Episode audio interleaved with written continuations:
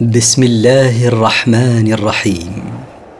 مركز تفسير للدراسات القرآنية يقدم المختصر في تفسير القرآن الكريم صوتيا برعاية أوقاف نوره الملاحي سورة الأعراف مكية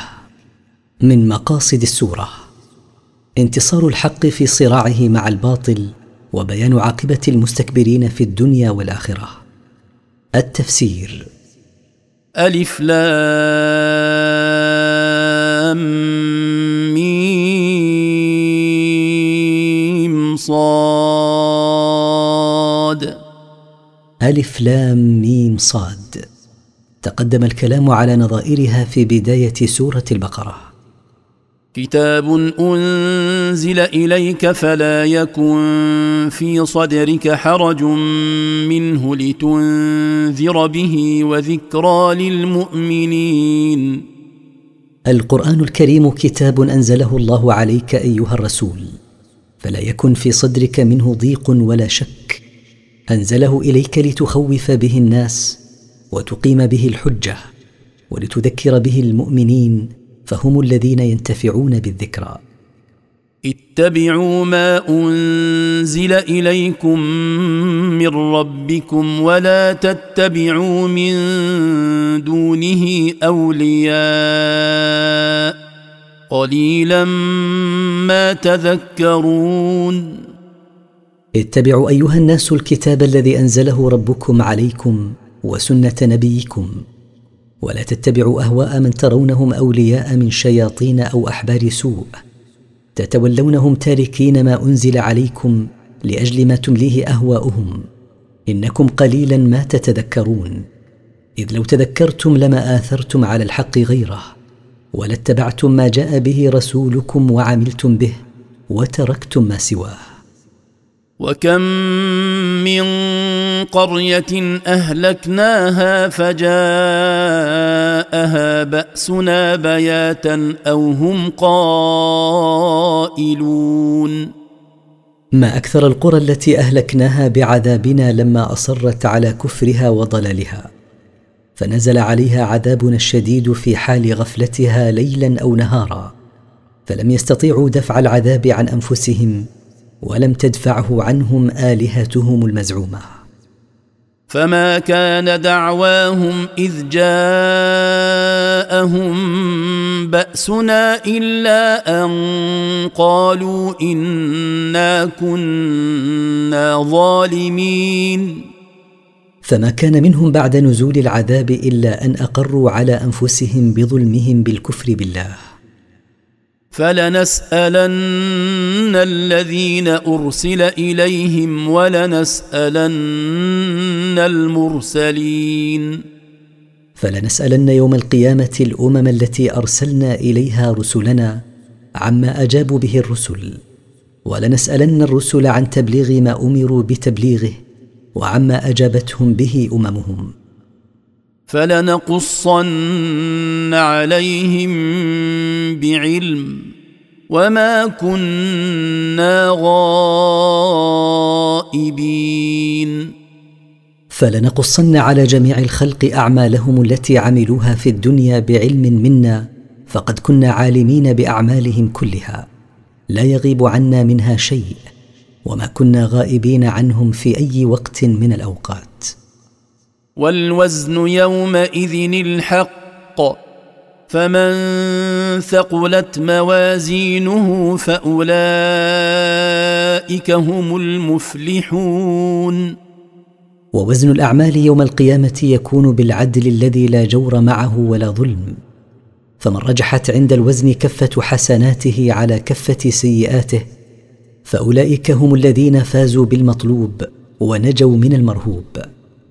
ومن خفت موازينه فاولئك الذين خسروا انفسهم بما كانوا باياتنا يظلمون ومن رجحت عند الوزن كفه سيئاته على كفه حسناته فاولئك الذين خسروا انفسهم بايرادها موارد الهلاك يوم القيامه بسبب جحدهم بايات الله ولقد مكناكم في الارض وجعلنا لكم فيها معايش قليلا ما تشكرون ولقد مكناكم يا بني ادم في الارض وجعلنا لكم فيها اسبابا للعيش فكان عليكم ان تشكروا الله على ذلك لكن شكركم كان قليلا ولقد خلقناكم ثم ثم صورناكم ثم قلنا للملائكه اسجدوا لادم فسجدوا الا ابليس لم يكن من الساجدين ولقد انشانا ايها الناس اباكم ادم ثم صورناه في احسن صوره واحسن تقويم ثم امرنا الملائكه بالسجود اكراما له فامتثلوا وسجدوا الا ابليس ابى ان يسجد تكبرا وعنادا قال ما منعك الا تسجد اذ امرتك قال انا خير منه خلقتني من نار وخلقته من طين قال الله تعالى توبيخا لابليس اي شيء منعك من امتثال امري لك بالسجود لادم قال ابليس مجيبا ربه منعني اني افضل منه فقد خلقتني من نار وخلقته هو من طين والنار اشرف من الطين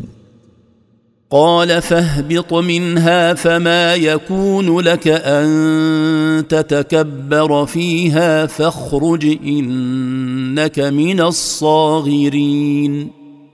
قال الله له اهبط من الجنه فليس لك ان تتكبر فيها لانها دار الطيبين الطاهرين فما يجوز لك ان تكون فيها انك يا ابليس من الحقيرين الدليلين وان كنت ترى نفسك انك اشرف من ادم قال انظرني الى يوم يبعثون قال ابليس يا رب امهلني الى يوم البعث حتى اغوي من استطيع اغواءه من الناس قال انك من المنظرين قال له الله انك يا ابليس من الممهلين الذين كتبت عليهم الموت يوم النفخه الاولى في الصور حين يموت الخلق كلهم ويبقى خالقهم وحده قال فبما اغويتني لاقعدن لهم صراطك المستقيم قال ابليس بسبب اضلالك اياي حتى تركت امتثال امرك بالسجود لادم لاقعدن لبني ادم على صراطك المستقيم لاصرفهم واضلهم عنه كما ضللت انا عن السجود لابيهم ادم ثم ثم لاتينهم من بين ايديهم ومن خلفهم وعن ايمانهم وعن شمائلهم ولا تجد اكثرهم شاكرين ثم لاتينهم من جميع الجهات بالتزهيد في الاخره والترغيب في الدنيا والقاء الشبهات وتحسين الشهوات ولا تجد يا رب اكثرهم شاكرين لك لما امليه عليهم من الكفر قال اخرج منها مذءوما مدحورا لمن تبعك منهم لاملان جهنم منكم اجمعين قال الله له اخرج يا ابليس من الجنه مذموما مطرودا من رحمه الله ولاملان جهنم يوم القيامه منك ومن كل من اتبعك واطاعك وعصى امر ربه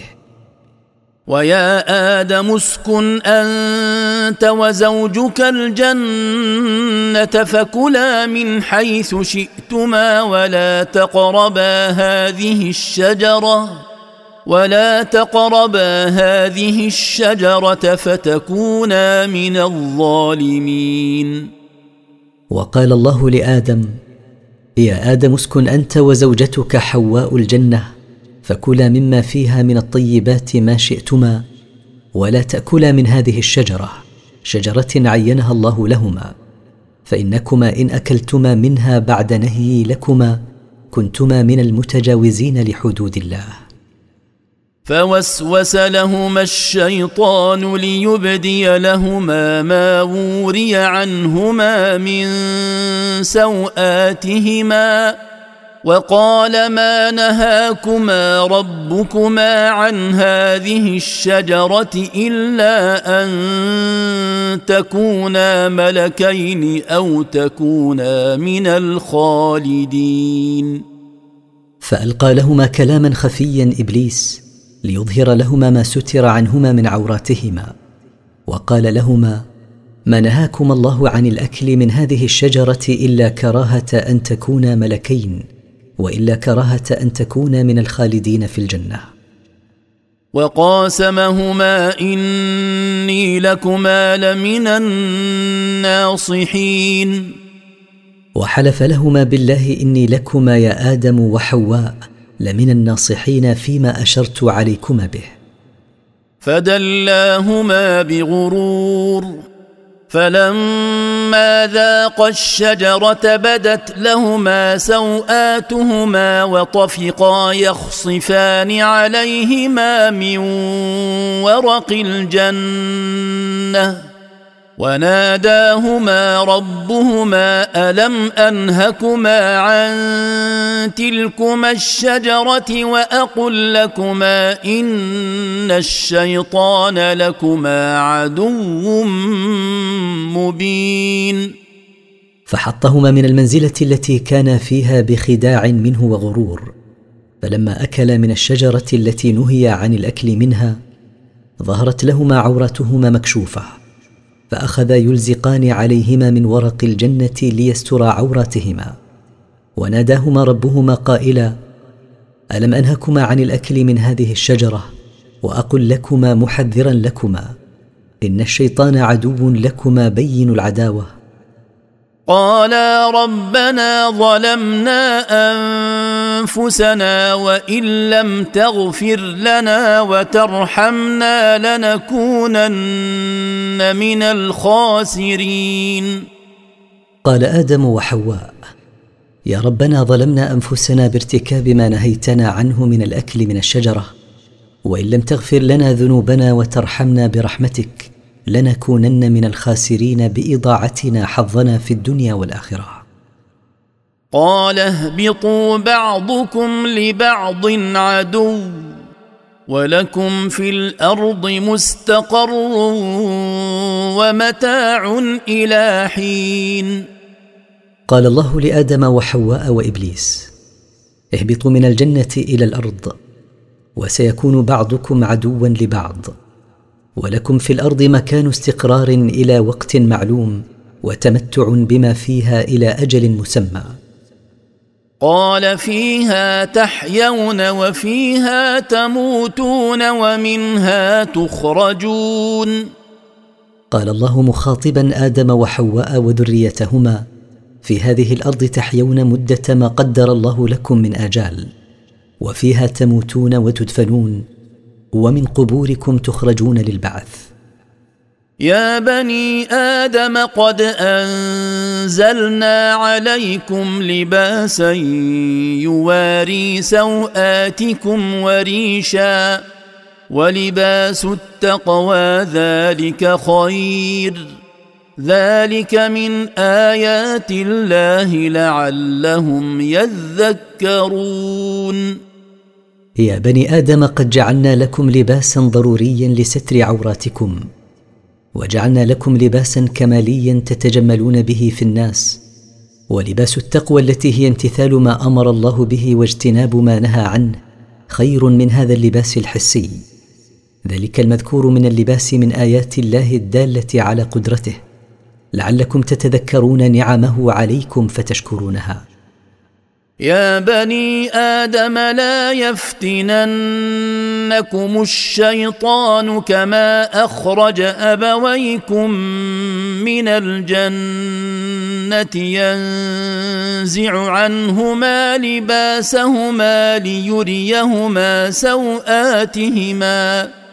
انه يراكم هو وقبيله من حيث لا ترونهم انا جعلنا الشياطين اولياء للذين لا يؤمنون يا بني ادم لا يغرنكم الشيطان بتزيين المعصيه بترك اللباس الحسي لستر العوره او ترك لباس التقوى فقد خدع ابويكم بتزيين الاكل من الشجره حتى كان مال ذلك ان اخرجهما من الجنه وبدت لهما عورتهما ان الشيطان وذريته يرونكم ويشاهدونكم وانتم لا ترونهم ولا تشاهدونهم فيلزمكم الحذر منه ومن ذريته انا جعلنا الشياطين اولياء للذين لا يؤمنون بالله واما المؤمنون الذين يعملون الصالحات فلا سبيل لهم عليهم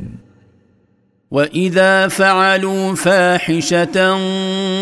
قالوا وجدنا عليها اباءنا والله امرنا بها قل ان الله لا يامر بالفحشاء اتقولون على الله ما لا تعلمون واذا ارتكب المشركون امرا بالغ النكر كالشرك والطواف بالبيت عراه وغيرهما اعتذروا بانهم وجدوا اباءهم يرتكبونها وان الله امرهم بذلك قل يا محمد ردا عليهم ان الله لا يامر بالمعاصي بل ينهى عنها فكيف تدعون ذلك عليه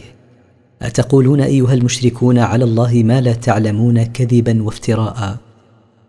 قل امر ربي بالقسط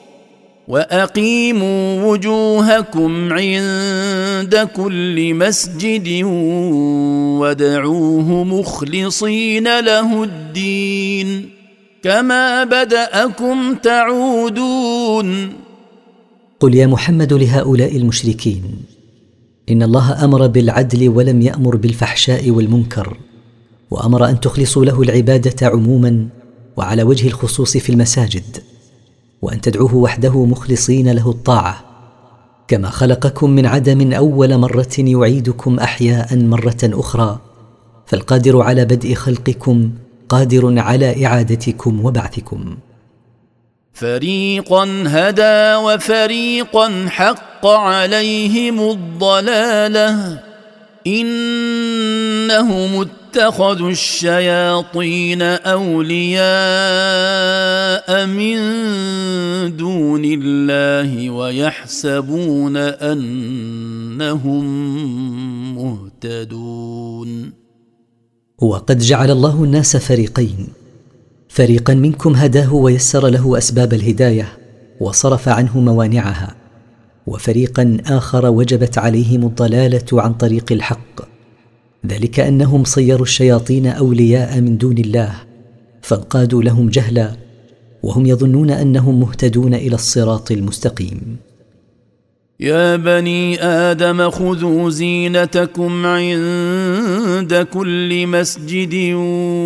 وكلوا واشربوا ولا تسرفوا انه لا يحب المسرفين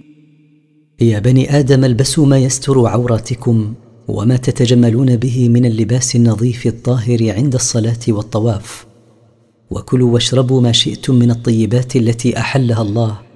ولا تتجاوزوا حد الاعتدال في ذلك ولا تتجاوزوا الحلال الى الحرام ان الله لا يحب المتجاوزين لحدود الاعتدال قل من حرم زينه الله التي اخرج لعباده والطيبات من الرزق قل هي للذين امنوا في الحياه الدنيا خالصه يوم القيامه كذلك نفصل الايات لقوم يعلمون قل ايها الرسول ردا على المشركين الذين يحرمون ما احل الله من اللباس والطيبات من الماكولات وغيرها من الذي حرم عليكم اللباس الذي هو زينه لكم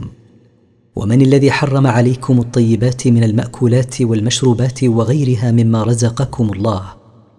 قل ايها الرسول ان تلك الطيبات للمؤمنين في الحياه الدنيا وان شاركهم غيرهم فيها في الدنيا فهي خاصه بهم يوم القيامه لا يشاركهم فيها كافر لان الجنه محرمه على الكافرين مثل هذا التفصيل نفصل الايات لقوم يدركون لانهم الذين ينتفعون بها قل انما حرم ربي الفواحش ما ظهر منها وما بطن والاثم والبغي بغير الحق وان تشركوا بالله وان تشركوا بالله ما لم ينزل به سلطانا وان تقولوا على الله ما لا تعلمون قل ايها الرسول لهؤلاء المشركين الذين يحرمون ما احل الله ان الله انما حرم على عباده الفواحش وهي قبائح الذنوب ظاهره كانت او باطنه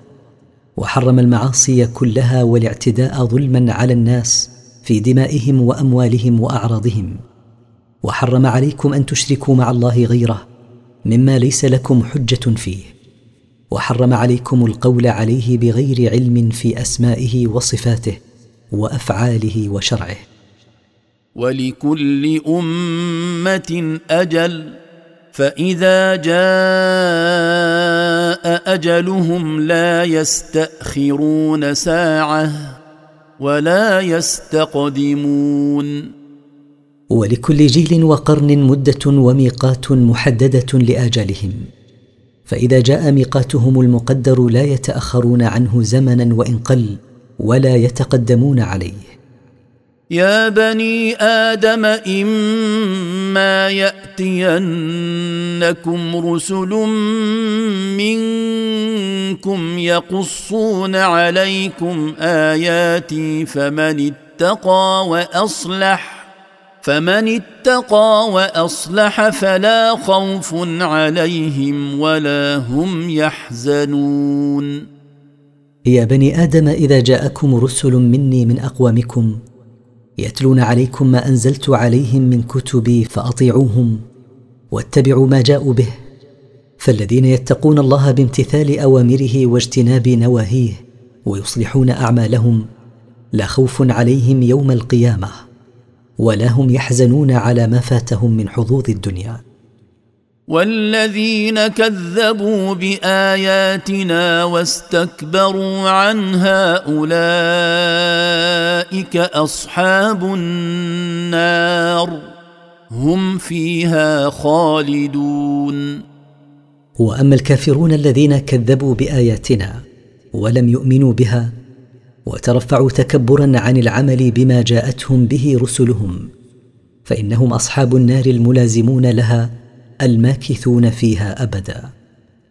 فمن اظلم ممن افترى على الله كذبا او كذب باياته اولئك ينالهم نصيبهم من الكتاب حتى حتى اذا جاءتهم رسلنا يتوفونهم قالوا اين ما كنتم تدعون من دون الله قالوا ضلوا عنا وشهدوا على انفسهم انهم كانوا كافرين لا احد اظلم من الذي يفتري على الله الكذب بنسبه الشريك اليه او النقص او القول عليه بما لم يقله او كذب باياته الجليه الهاديه الى صراطه المستقيم اولئك المتصفون بذلك ينالهم حظهم المكتوب لهم في اللوح المحفوظ من خير او شر حتى اذا جاءهم ملك الموت واعوانه من الملائكه لقبض ارواحهم قالوا لهم توبيخا لهم اين الالهه التي كنتم تعبدونها من دون الله ادعوها لتنفعكم قال المشركون للملائكه لقد ذهبت عنا الالهه التي كنا نعبد وغابت فلا ندري اين هي واقروا على انفسهم انهم كانوا كافرين لكن اقرارهم في ذلك الحين حجه عليهم ولن ينفعهم قال ادخلوا في امم قد خلت من قبلكم من الجن والانس في النار كلما دخلت امه لعنت اختها حتى اذا اداركوا فيها جميعا قالت اخراهم لاولاهم ربنا هؤلاء اضلونا فاتهم عذابا فاتهم عذابا ضعفا من النار قال لكل ضعف ولكن لا تعلمون قالت لهم الملائكه ادخلوا ايها المشركون في جمله امم قد مضت من قبلكم على الكفر والضلال من الجن والانس في النار كلما دخلت امه من الامم لعنت اختها التي سبقتها الى النار حتى اذا تلاحقوا فيها واجتمعوا كلهم قالت اخراهم دخولا وهم السفله والاتباع لاولاهم وهم الكبراء والساده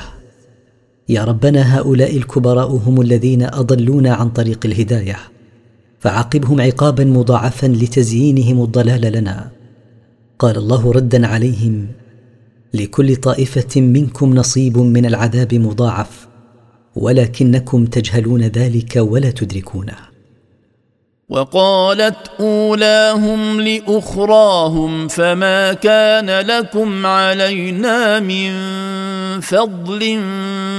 فذوقوا العذاب بما كنتم تكسبون وقال الساده المتبوعون لاتباعهم ليس لكم ايها الاتباع علينا من فضل تستحقون به تخفيف العذاب عنكم فالعبره بما كسبتم من الاعمال ولا عذر لكم في اتباع الباطل فذوقوا ايها الاتباع العذاب مثلما ذقناه بسبب ما كنتم تكسبون من الكفر والمعاصي ان الذين كذبوا باياتنا واستكبروا عنها لا تفتح لهم ابواب السماء لا تفتح لهم ابواب السماء ولا يدخلون الجنه حتى يلج الجمل في سم الخياط وكذلك نجزي المجرمين ان الذين كذبوا باياتنا الواضحه وتكبروا عن الانقياد والاذعان لها ايسون من كل خير فلا تفتح ابواب السماء لاعمالهم بسبب كفرهم ولا لارواحهم اذا ماتوا ولا يدخلون الجنه ابدا حتى يدخل الجمل وهو من اعظم الحيوانات في ثقب الابره الذي هو من اضيق الاشياء وهذا من المستحيل فالمعلق عليه وهو دخولهم الجنه مستحيل ومثل هذا الجزاء يجزي الله من عظمت ذنوبه لهم جهنم مهاد ومن فوقهم غواش وكذلك نجزي الظالمين لهؤلاء المكذبين المتكبرين من جهنم فراش يفترشونه ولهم من فوقهم اغطيه من نار ومثل هذا الجزاء نجزي المتجاوزين لحدود الله بكفرهم به واعراضهم عنه والذين امنوا وعملوا الصالحات لا نكلف نفسا الا وسعها اولئك اصحاب الجنه هم فيها خالدون والذين امنوا بربهم وعملوا من الاعمال الصالحه ما يستطيعون ولا يكلف الله نفسا فوق ما تستطيعه اولئك اصحاب الجنه يدخلونها ماكثين فيها ابدا ونزعنا ما في صدورهم من غل تجري من تحتهم الانهار وقالوا الحمد لله الذي هدانا لهذا وما كنا لنهتدي لولا ان هدانا الله لقد جاءت رسل ربنا بالحق ونودوا ان تلكم الجنه اورثتموها بما كنتم تعملون ومن تمام نعيمهم في الجنه ان نزع الله ما في قلوبهم من البغضاء والحقد واجرى الانهار من تحتهم وقالوا معترفين لله بانعامه عليهم الحمد لله الذي وفقنا لهذا العمل الصالح الذي انالنا هذه المنزله وما كنا لنوفق اليه من تلقاء انفسنا لولا ان الله وفقنا اليه لقد جاءت رسل ربنا بالحق الذي لا مريه فيه والصدق في الوعد والوعيد ونادى فيهم مناد ان هذه هي الجنه التي اخبرتكم بها رسلي في الدنيا اعقبكم الله اياها بما كنتم تعملون من الاعمال الصالحه التي تريدون بها وجه الله ونادى اصحاب الجنه اصحاب النار ان قد وجدنا ما وعدنا ربنا حقا أن قد وجدنا ما وعدنا ربنا حقا فهل وجدتم ما وعد ربكم حقا قالوا نعم فاذن مؤذن بينهم اللعنه الله على الظالمين ونادى اهل الجنه الملازمون لها اهل النار الملازمين لها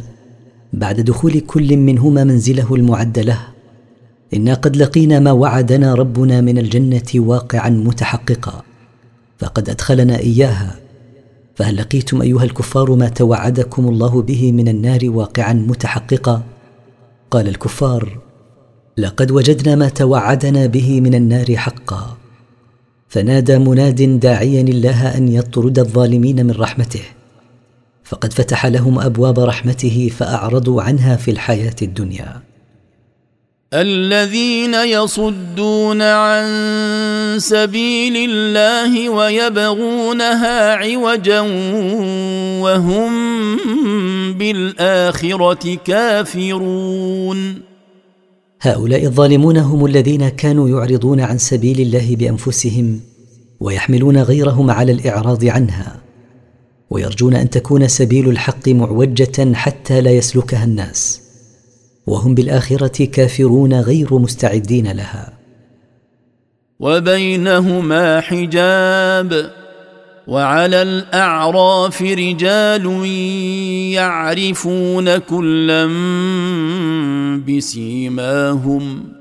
ونادوا اصحاب الجنه ان سلام عليكم لم يدخلوها وهم يطمعون وبين هذين الفريقين اصحاب الجنه واصحاب النار حاجز مرتفع يسمى الاعراف وعلى هذا الحاجز المرتفع رجال استوت حسناتهم وسيئاتهم وهم يعرفون اصحاب الجنه بعلاماتهم كبياض الوجوه واصحاب النار بعلاماتهم كسوادها ونادى هؤلاء الرجال اصحاب الجنه تكريما لهم قائلين سلام عليكم واصحاب الجنه لم يدخلوا بعد وهم ياملون دخولها برحمه من الله واذا صرفت ابصارهم تلقاء اصحاب النار قالوا ربنا لا تجعلنا مع القوم الظالمين واذا حولت ابصار اصحاب الاعراف الى اصحاب النار وشاهدوا ما هم فيه من العذاب الشديد قالوا داعين الله يا ربنا لا تصيرنا مع القوم الظالمين بالكفر والشرك بك ونادى اصحاب الاعراف رجالا يعرفونهم بسيماهم قالوا ما اغنى عنكم جمعكم وما كنتم تستكبرون ونادى اصحاب الاعراف رجالا من اهل النار من الكفار يعرفونهم بعلاماتهم كسواد وجوههم وزرقه عيونهم قائلين لهم لم ينفعكم تكثركم بالمال والرجال وما نفعكم اعراضكم عن الحق تكبرا واستعلاء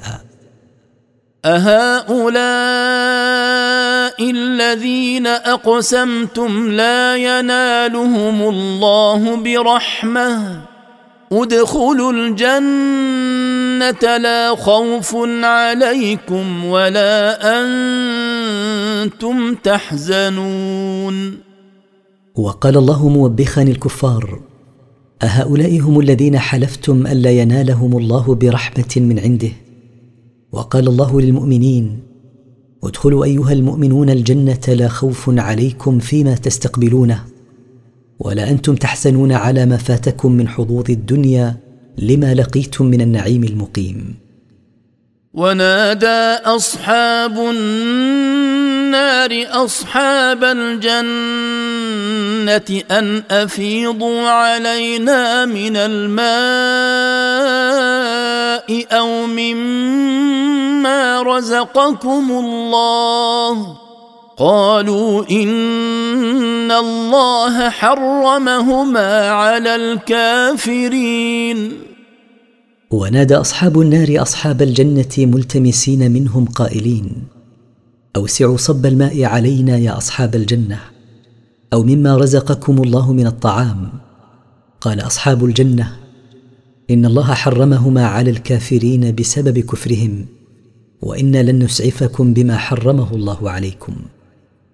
الذين اتخذوا دينهم لهوا ولعبا وغرتهم الحياه الدنيا فاليوم ننساهم كما نسوا لقاء يومهم هذا وما كانوا باياتنا يجحدون هؤلاء الكافرون هم الذين جعلوا دينهم سخريه وعبثا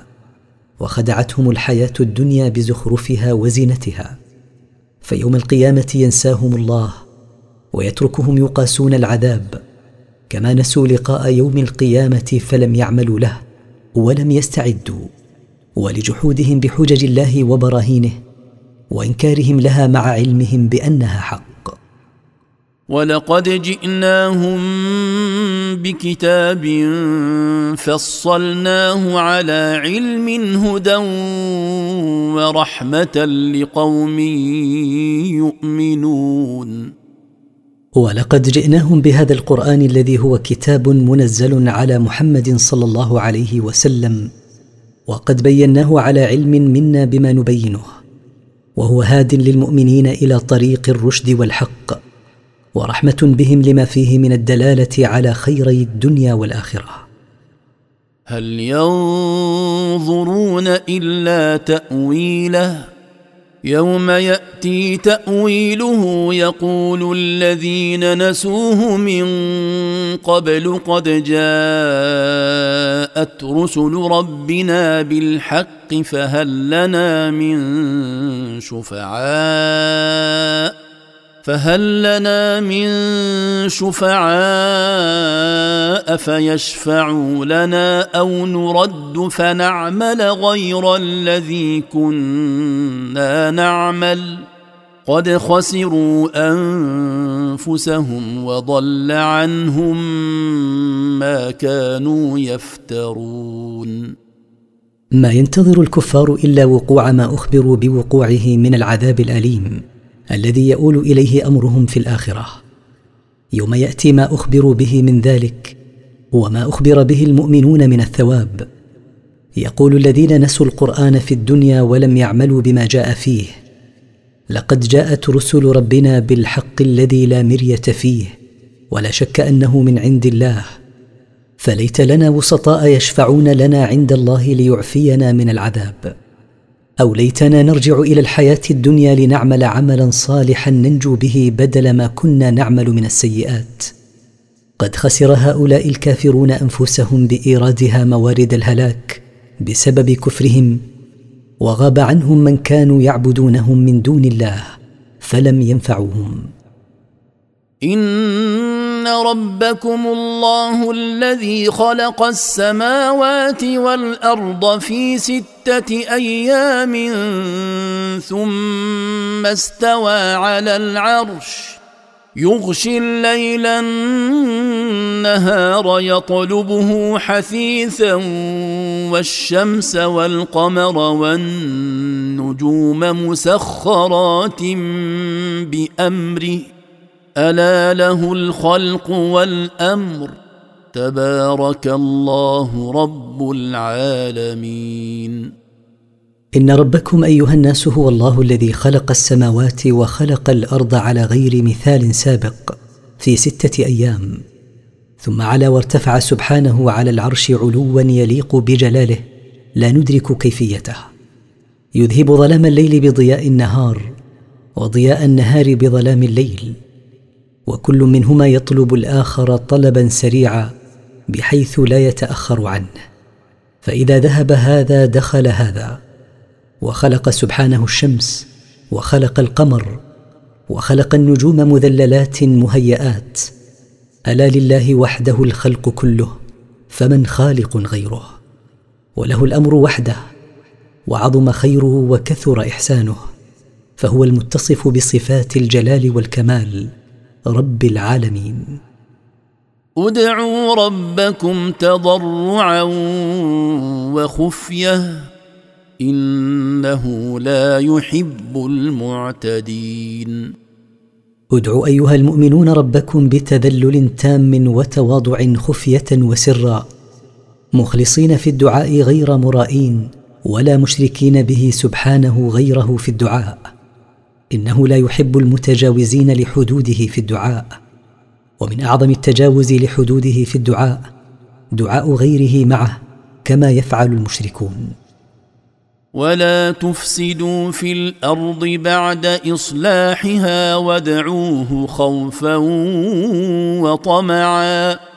ان رحمه الله قريب من المحسنين ولا تفسدوا في الارض بارتكاب المعاصي بعد ان اصلحها الله بارسال الرسل عليهم السلام واعمارها بطاعته وحده وادعوا الله وحده مستشعرين الخوف من عقابه ومنتظرين حصول ثوابه ان رحمه الله قريب من المحسنين فكونوا منهم وهو الذي يرسل الرياح بشرا بين يدي رحمته حتى اذا اقلت سحابا ثقالا سقناه لبلد ميت فانزلنا به الماء فانزلنا به الماء فاخرجنا به من كل الثمرات كذلك نخرج الموتى لعلكم تذكرون هو الله سبحانه هو الذي يرسل الرياح مبشرات بالمطر حتى اذا حملت الرياح السحاب المثقل بالماء سقنا السحاب الى بلد مجدب فانزلنا بالبلد الماء فاخرجنا بالماء من جميع انواع الثمار مثل اخراج الثمر على تلك الصوره نخرج الموتى من قبورهم احياء فعلنا ذلك رجاء انكم ايها الناس تتذكرون قدره الله وبديع صنعه وانه قادر على احياء الموتى والبلد الطيب يخرج نباته باذن ربه والذي خبث لا يخرج الا نكدا كذلك نصرف الايات لقوم يشكرون والارض الطيبه تخرج نباتها باذن الله اخراجا حسنا تاما وهكذا المؤمن يسمع الموعظه فينتفع بها فتنتج عملا صالحا والارض السبخه المالحه لا تخرج نباتها الا عسرا لا خير فيه وهكذا الكافر لا ينتفع بالمواعظ فلا تنتج عنده عملا صالحا ينتفع به مثل هذا التنويع البديع ننوع البراهين والحجج لاثبات الحق لقوم يشكرون نعم الله فلا يكفرونها ويطيعون ربهم لقد ارسلنا نوحا الى قومه فقال يا قوم اعبدوا الله ما لكم من اله غيره اني اخاف عليكم عذاب يوم عظيم لقد بعثنا نوحا رسولا الى قومه يدعوهم الى توحيد الله وترك عباده غيره فقال لهم يا قوم اعبدوا الله وحده فليس لكم معبود بحق غيره اني اخاف عليكم يا قوم عذاب يوم عظيم في حال اصراركم على الكفر قال الملا من قومه انا لنراك في ضلال مبين قال له ساده قومه وكبراؤهم انا لنراك يا نوح في بعد عن الصواب واضح قال يا قوم ليس بي ضلاله ولكني رسول من رب العالمين قال نوح لكبراء قومه لست ضالا كما زعمتم وانما انا على هدى من ربي فانا رسول اليكم من الله ربي وربكم ورب العالمين كلهم ابلغكم رسالات ربي وانصح لكم واعلم من الله ما لا تعلمون ابلغكم ما ارسلني الله به اليكم مما اوحى الي واريد لكم الخير بترغيبكم في امتثال امر الله وما يترتب عليه من ثواب وترهيبكم من ارتكاب نواهيه وما يترتب عليه من العقاب واعلم من الله سبحانه ما لا تعلمون مما علمني عن طريق الوحي اوعجبتم ان جاءكم ذكر من ربكم على رجل منكم لينذركم لينذركم ولتتقوا ولعلكم ترحمون ااثار عجبكم واستغرابكم ان جاءكم وحي وموعظه من ربكم على لسان رجل منكم تعرفونه فقد نشا فيكم ولم يكن كذابا ولا ضالا وليس من جنس اخر جاءكم ليخوفكم من عقاب الله ان كذبتم وعصيتم ولتتقوا الله بامتثال اوامره واجتناب نواهيه ورجاء ان ترحموا ان امنتم به فكذبوه فانجيناه والذين معه في الفلك واغرقنا الذين كذبوا باياتنا انهم كانوا قوما عمين فكذبه قومه ولم يؤمنوا به بل استمروا على كفرهم فدعا عليهم ان يهلكهم الله فسلمناه وسلمنا الذين معه في السفينه من المؤمنين من الغرق واهلكنا الذين كذبوا باياتنا واستمروا على تكذيبهم بالغرق بالطوفان المنزل عقابا لهم ان قلوبهم كانت عميا عن الحق والى عاد اخاهم هودا قال يا قوم اعبدوا الله ما لكم من اله غيره افلا تتقون وارسلنا الى قبيله عاد رسولا منهم هو هود عليه السلام قال يا قوم اعبدوا الله وحده فليس لكم معبود بحق غيره افلا تتقونه بامتثال اوامره واجتناب نواهيه لتسلموا من عذابه قال الملا الذين كفروا من قومه انا لنراك في سفاهه وانا لنظنك من الكاذبين قال الكبراء والساده من قومه الذين كفروا بالله وكذبوا رسوله انا لنعلم انك يهود في خفه عقل وطيش حين تدعونا الى عباده الله وحده وترك عباده الاصنام وانا لنعتقد جازمين انك من الكاذبين فيما تدعيه من انك مرسل قال يا قوم ليس بي سفاهه ولكني رسول من رب العالمين قال هود ردا على قومه يا قوم ليس بي خفه عقل وطيش بل اني رسول من رب العالمين أبلغكم رسالات ربي وأنا لكم ناصح أمين. أبلغكم ما أمرني الله بتبليغه إليكم من توحيده وشرعه، وأنا لكم ناصح فيما أمرت بتبليغه أمين، لا أزيد فيه ولا أنقص. أوعجبتم أن جاءكم ذكر من ربكم على رجل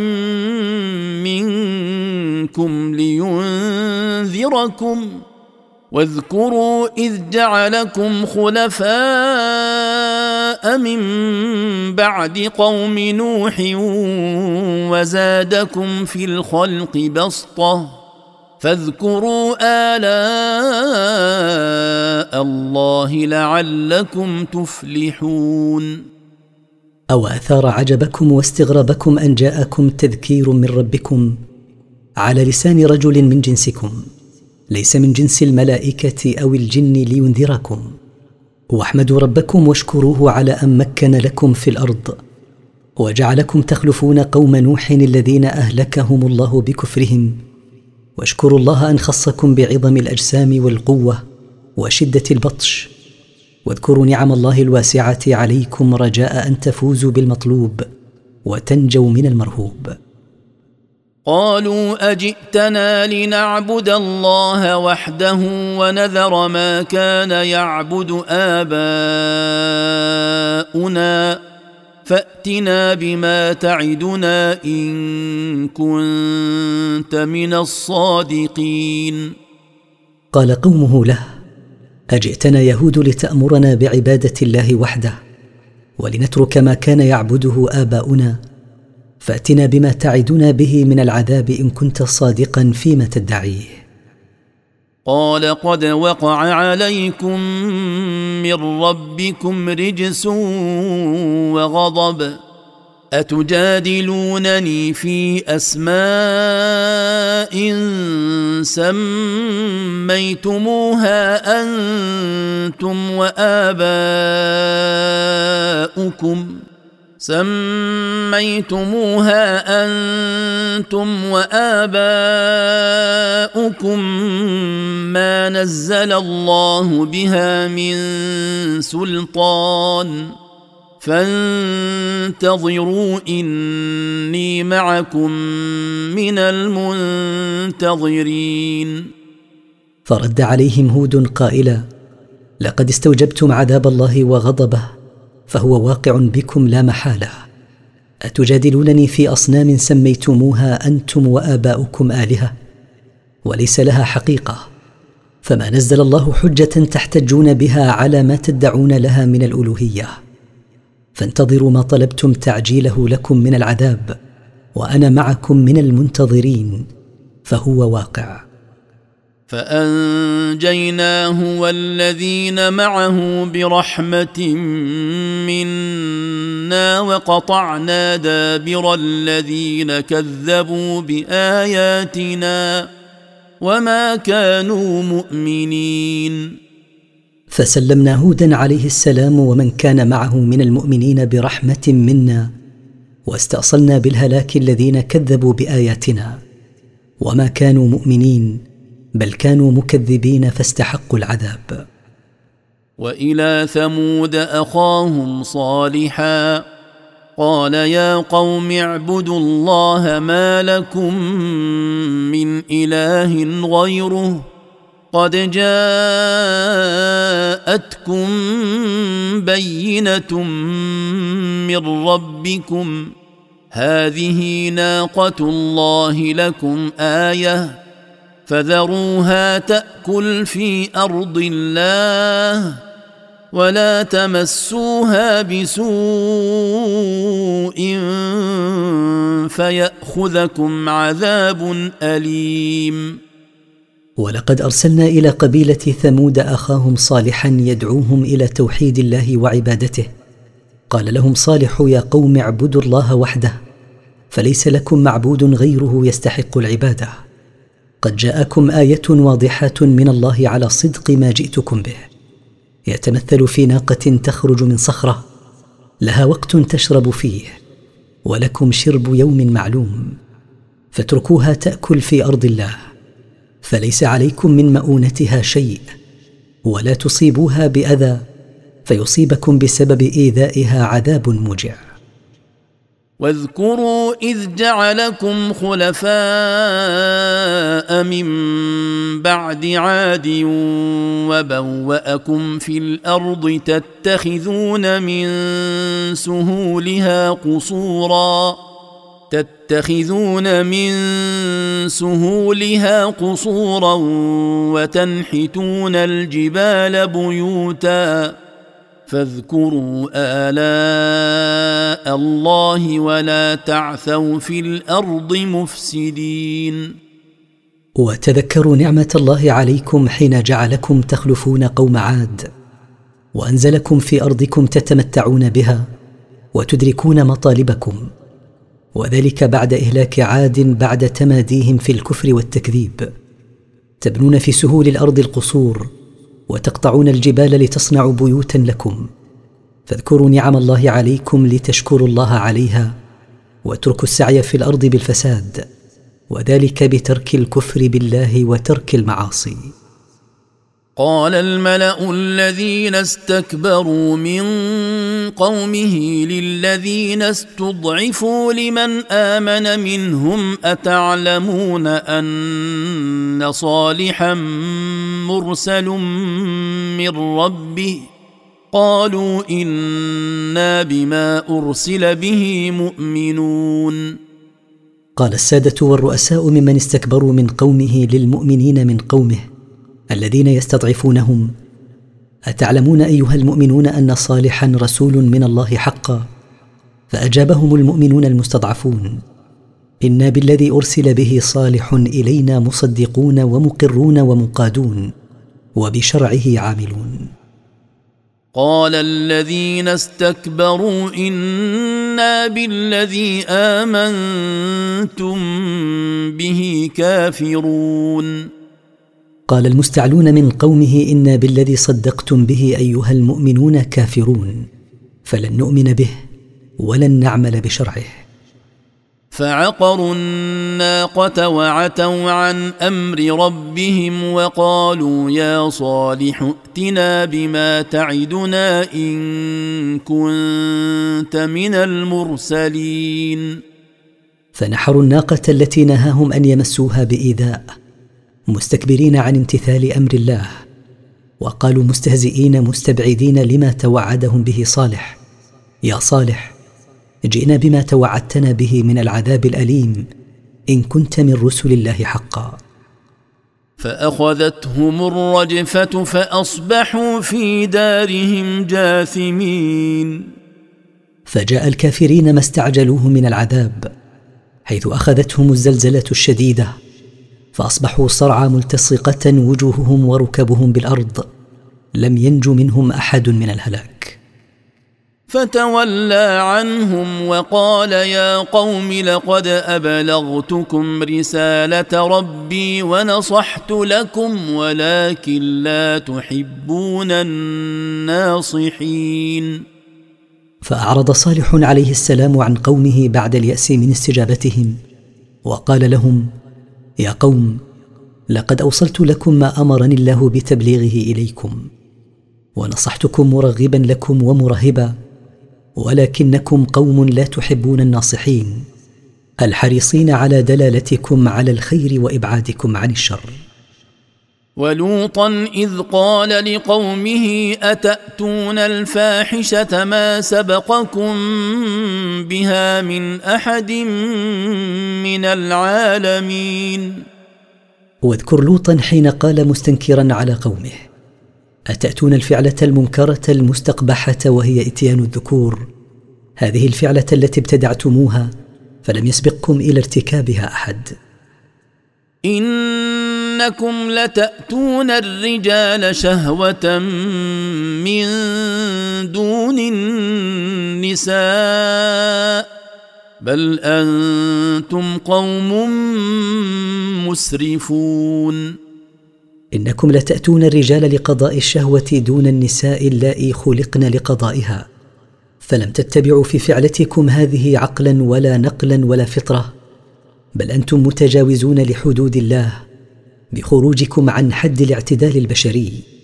وانحرافكم عما تقتضيه العقول السليمه والفطر الكريمه وما كان جواب قومه الا ان قالوا اخرجوهم من قريتكم انهم اناس يتطهرون وما كان رد قومه المرتكبين لهذه الفاحشه عما انكره عليهم الا ان قالوا معرضين عن الحق اخرجوا لوطا واهله من قريتكم انهم اناس يتنزهون عن عملنا هذا فلا يليق بنا ان يبقوا بين ظهرانينا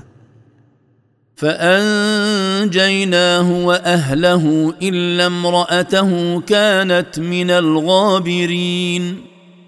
فسلمناه واهله حيث امرناهم بالخروج ليلا من القريه التي سيقع عليها العذاب الا امراته صارت مع الباقين مع قومها فاصابها ما اصابهم من العذاب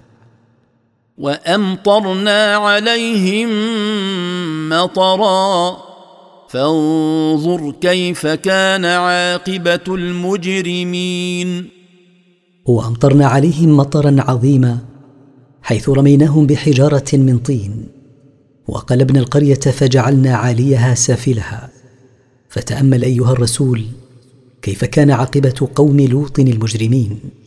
فقد كانت عاقبتهم الهلاك والخزي الدائم والى مدين اخاهم شعيبا قال يا قوم اعبدوا الله ما لكم من اله غيره قد جاءتكم بينه من ربكم فاوفوا الكيل والميزان ولا تبخسوا الناس اشياءهم ولا تفسدوا في الارض بعد اصلاحها ذلكم خير لكم ان كنتم مؤمنين ولقد ارسلنا الى قبيله مدين اخاهم شعيبا عليه السلام فقال لهم يا قوم اعبدوا الله وحده ما لكم من معبود يستحق العباده غيره قد جاءكم برهان من الله واضح وحجه جليه على صدق ما جئتكم به من ربي ادوا الى الناس حقوقهم باكمال الكيل واكمال الوزن ولا تنقص الناس بعيب سلعهم والتزهيد فيها او المخادعه لاصحابها ولا تفسدوا في الارض بالكفر وارتكاب المعاصي بعد اصلاحها ببعثه الانبياء من قبل ذلك المذكور خير لكم وانفع ان كنتم مؤمنين لما فيه من ترك المعاصي اجتنابا لنهي الله عنها ولما فيه من التقرب الى الله بفعل ما امر به ولا تقعدوا بكل صراط توعدون وتصدون عن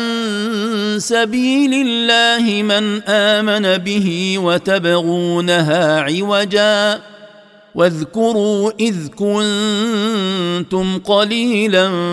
فكثركم وانظروا كيف كان عاقبه المفسدين ولا تقعدوا بكل طريق تهددون من سلكه من الناس لتسلبوا اموالهم وتصدوا عن دين الله من اراد الاهتداء به طالبين ان تكون سبيل الله معوجه حتى لا يسلكها الناس واذكروا نعمه الله عليكم لتشكروها له فقد كان عددكم قليلا فكثركم وتاملوا كيف كان عاقبه المفسدين في الارض من قبلكم فان عاقبتهم كانت الهلاك والدمار وان كان طائفه منكم امنوا بالذي ارسلت به وطائفه لم يؤمنوا فاصبروا فاصبروا حتى يحكم الله بيننا وهو خير الحاكمين وان كان جماعه منكم امنوا بما جئت به من ربي وجماعه اخرى لم يؤمنوا بذلك فانتظروا ايها المكذبون ما يفصل الله بينكم وهو خير من يفصل واعدل من يقضي قال الملا الذين استكبروا من قومه لنخرجنك يا شعيب والذين امنوا معك من قريتنا او لتعودن في ملتنا قال اولو كنا كارهين قال الكبراء والرؤساء الذين استكبروا من قوم شعيب لشعيب عليه السلام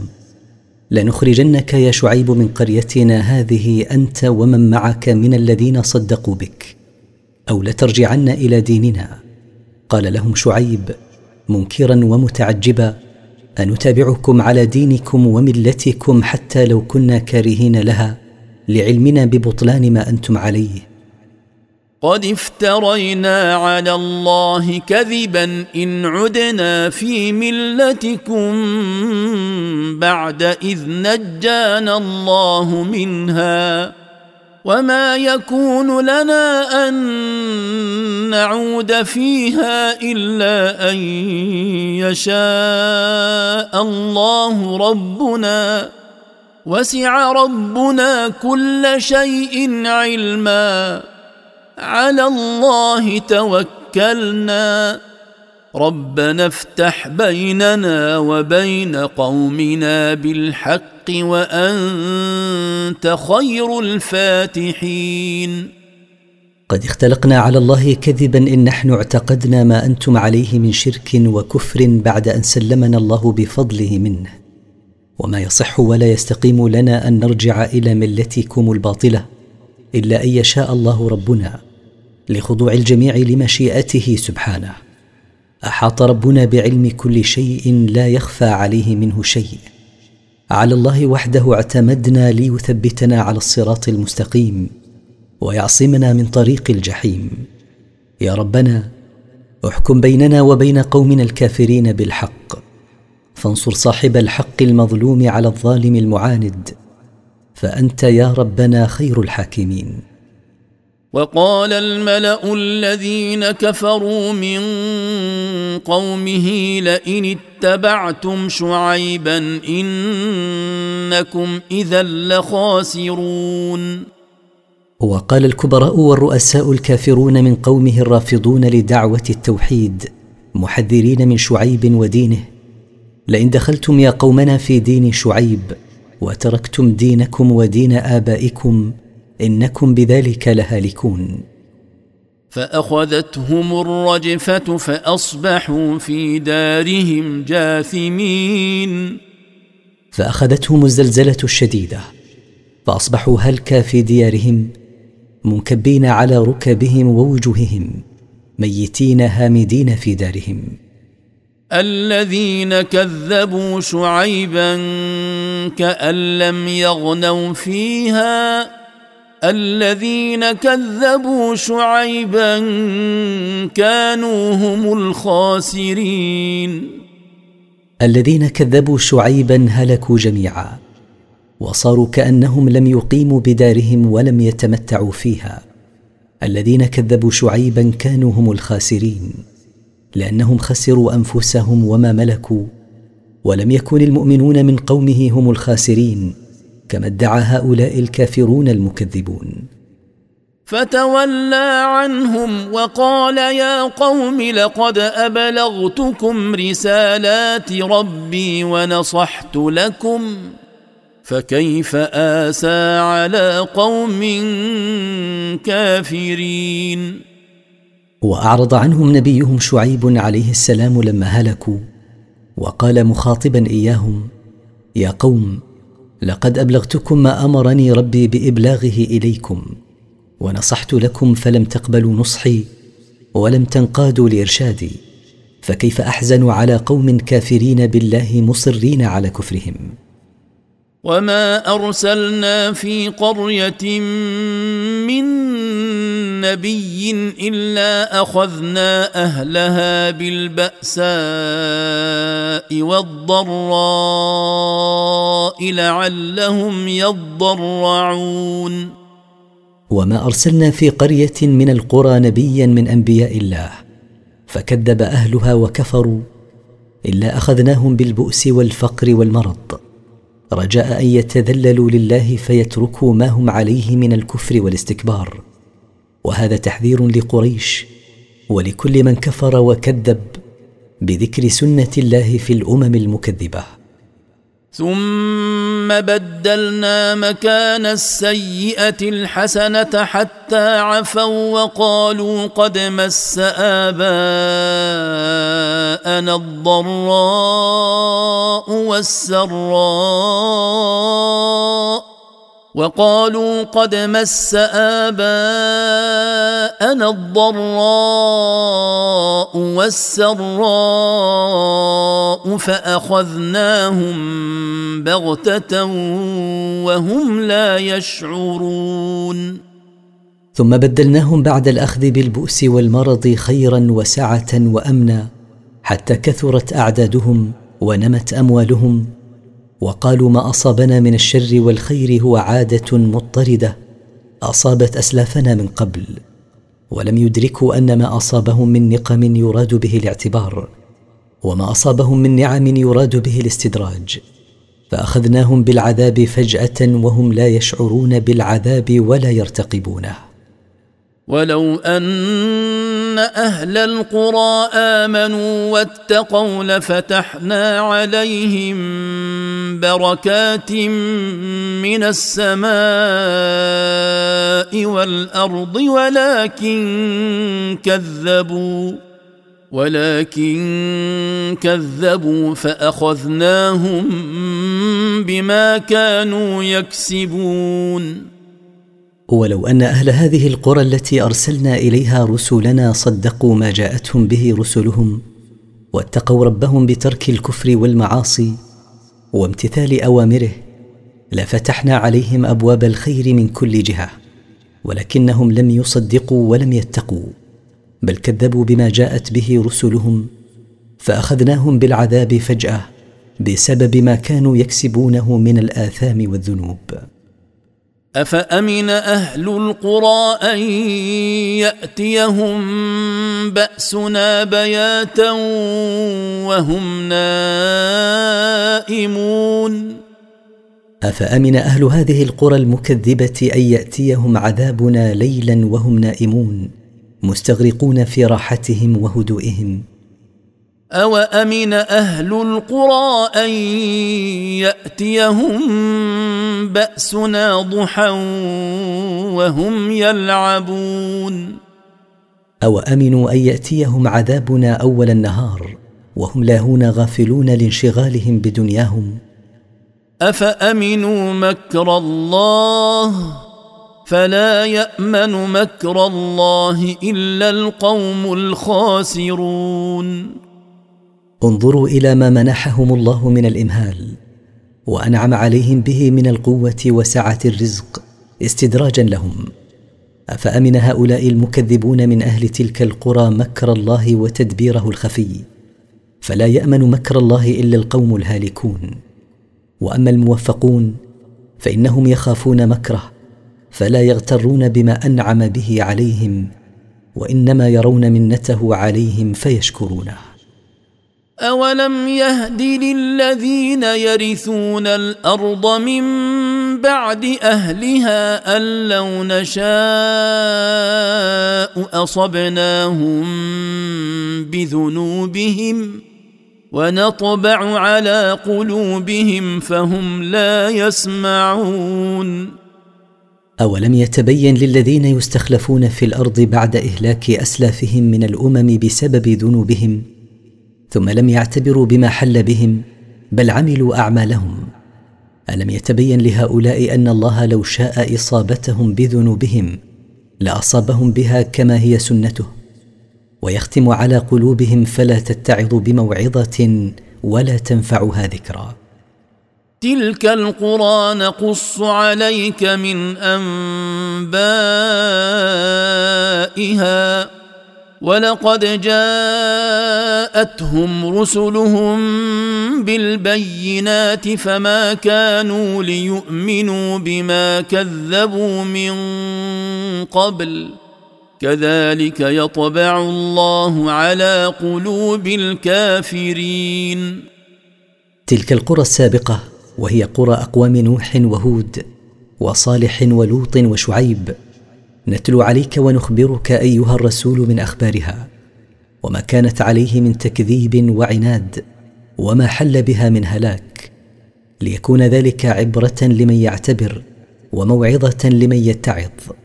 ولقد جاءت اهل هذه القرى رسلهم بالبراهين الواضحه على صدقهم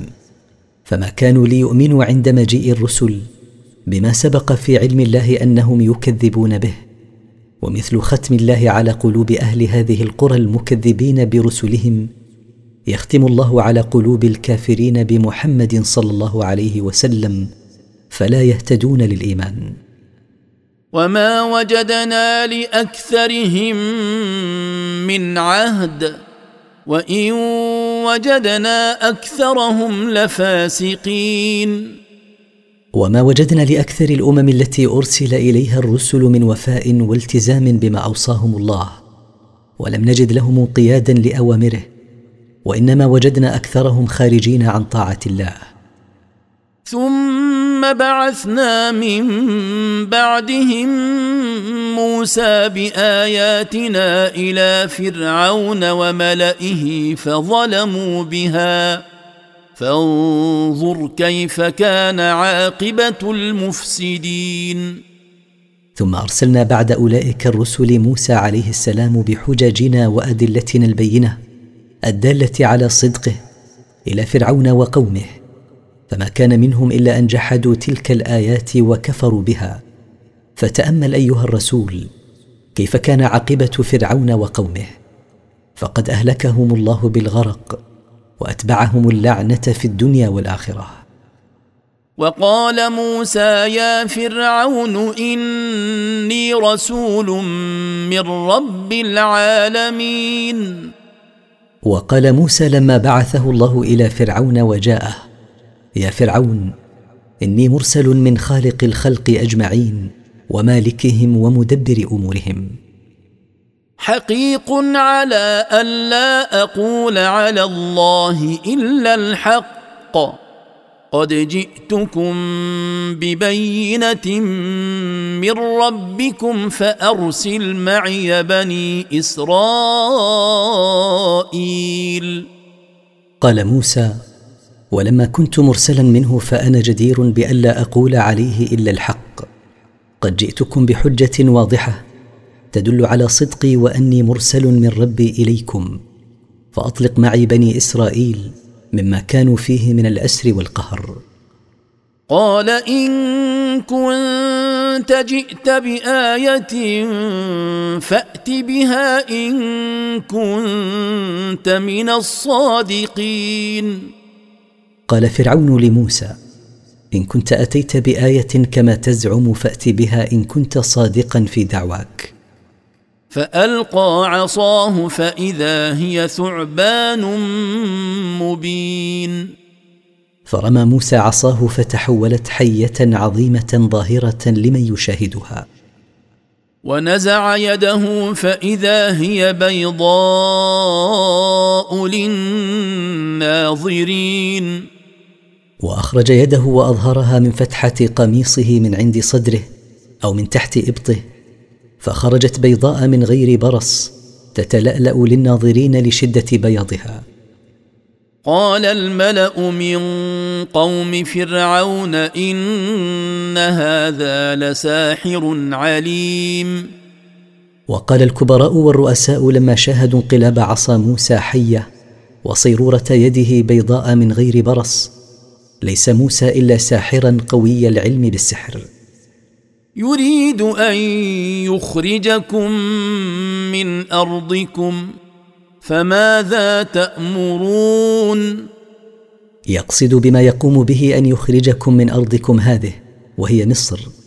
ثم استشارهم فرعون بشان موسى عليه السلام قائلا لهم ماذا تشيرون به علي من الراي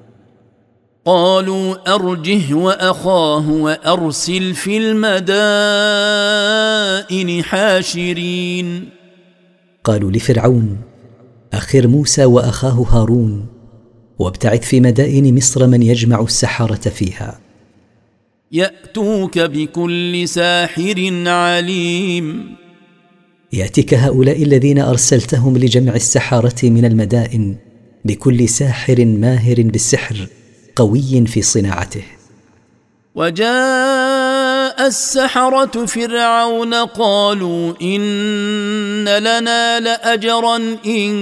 كنا نحن الغالبين فبعث فرعون من يجمع السحرة فلما جاء السحرة فرعون سألوه هل لهم مكافأة إن غلبوا موسى بسحرهم وانتصروا عليه قال نعم وانكم لمن المقربين فاجابهم فرعون بقوله نعم ان لكم مكافاه واجرا وستكونون من القريبين بالمناصب قالوا يا موسى اما ان تلقي واما ان نكون نحن الملقين قال السحره واثقين بنصرهم على موسى باستعلاء وتكبر اختر يا موسى ما شئت من ابتدائك بالقاء ما تريد القاءه او ابتدانا بذلك قال القوا فلما القوا سحروا اعين الناس واسترهبوهم وجاءوا بسحر عظيم فاجابهم موسى واثقا بنصر ربه له غير مبال بهم ارموا حبالكم وعصيكم فلما القوها سحروا اعين الناس بصرفها عن صحه ادراكها وارعبوهم وجاءوا بسحر قوي في اعين الناظرين واوحينا الى موسى ان الق عصاك فاذا هي تلقف ما يافكون واوحى الله الى نبيه وكليمه موسى عليه السلام ان ارمي موسى عصاك فرماها فانقلبت العصا حيه تبتلع حبالهم وعصيهم التي كانوا يستعملونها في قلب الحقائق وايهام الناس انها حياه تسعى فوقع الحق وبطل ما كانوا يعملون فظهر الحق وتبين صدق ما جاء به موسى عليه السلام وتبين بطلان ما صنعه السحره من السحر فغلبوا هنالك وانقلبوا صاغرين فغلبوا وهزموا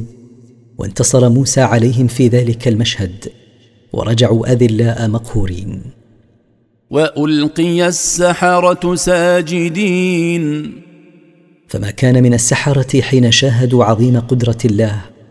وراوا الايات البينات الا ان خروا سجدا له سبحانه وتعالى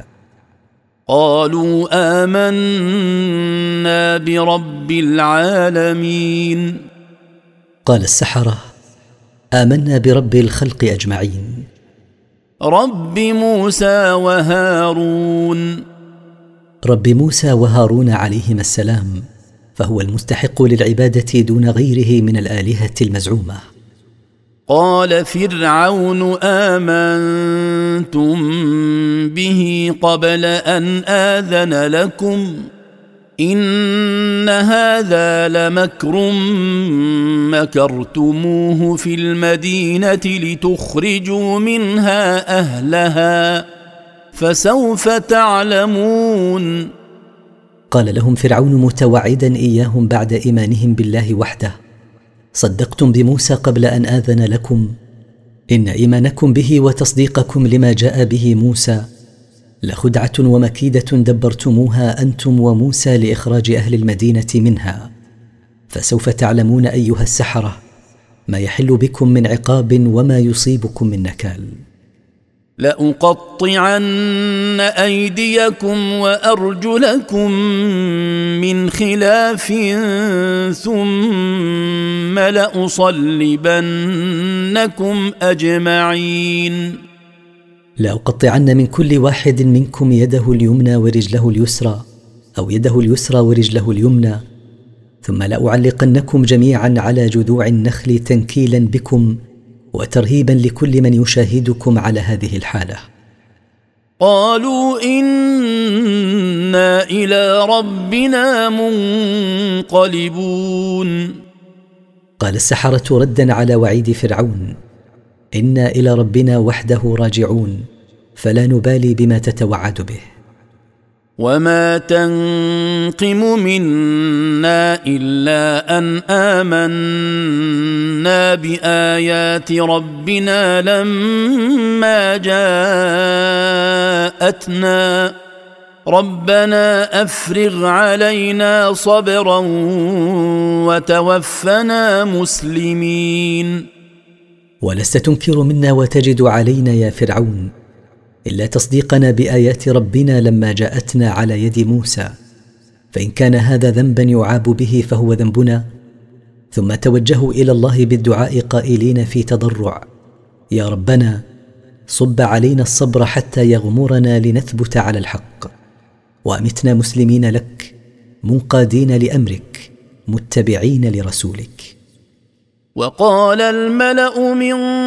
قوم فرعون اتذر موسى وقومه ليفسدوا في الارض ويذرك والهتك قال سنقتل ابناءهم ونستحيي نساءهم وانا فوقهم قاهرون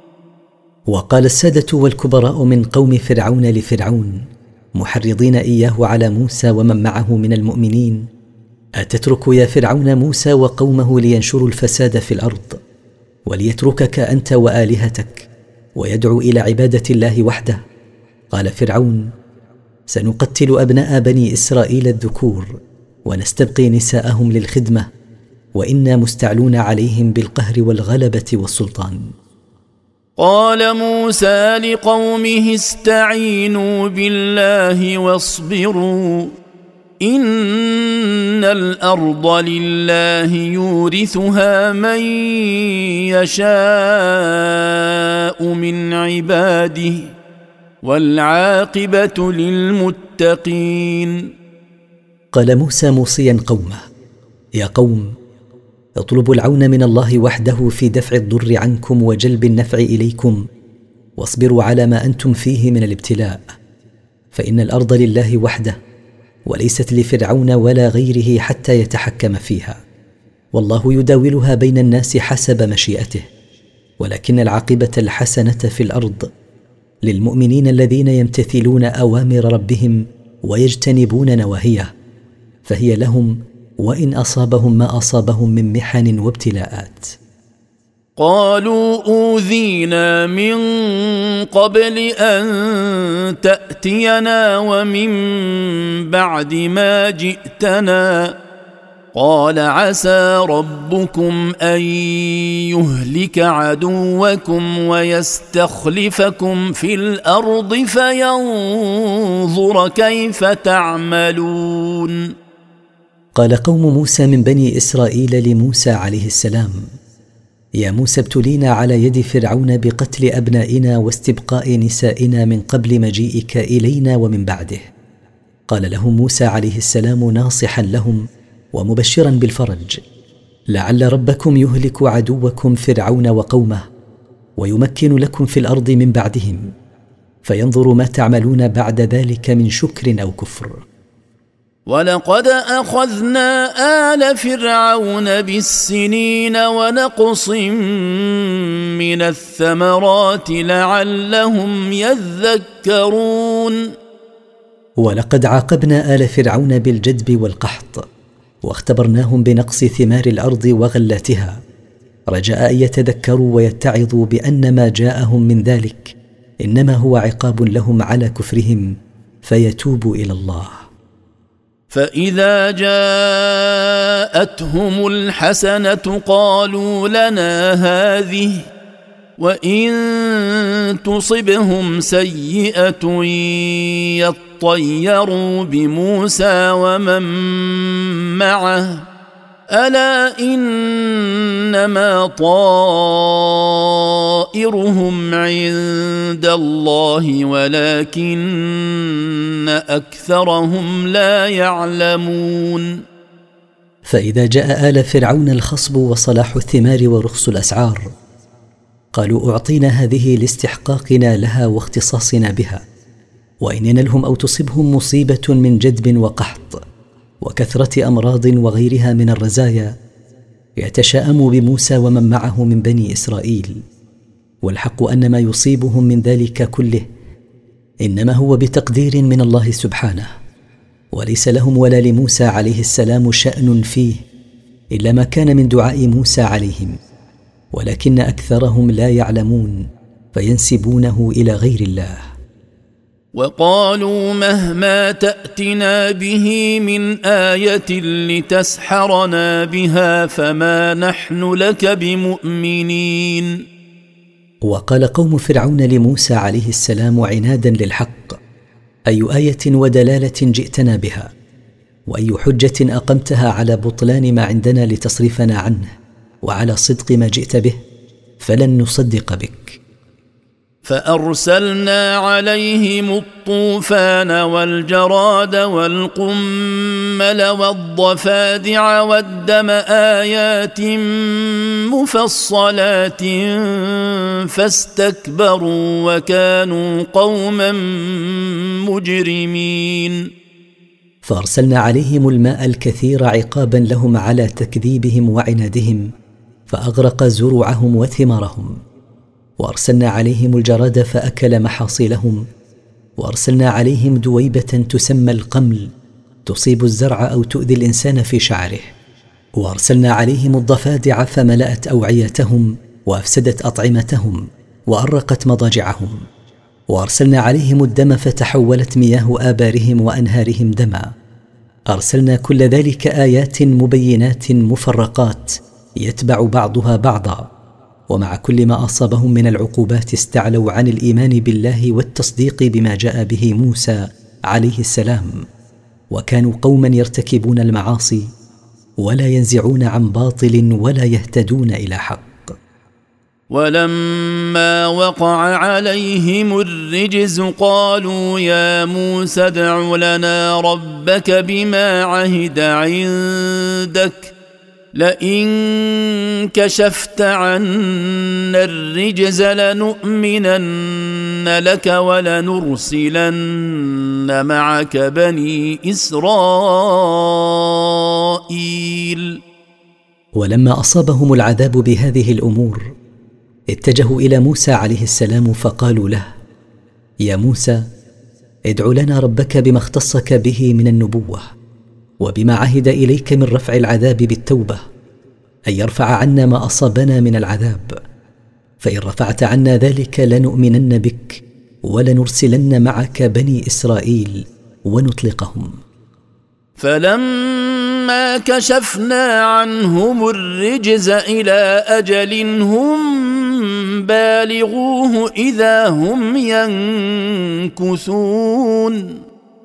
فلما رفعنا عنهم العذاب الى مده معلومه قبل اهلاكهم بالغرق اذا هم ينقضون ما اخذوه على انفسهم من التصديق وارسال بني اسرائيل فاستمروا على كفرهم وامتنعوا من ارسال بني اسرائيل مع موسى عليه السلام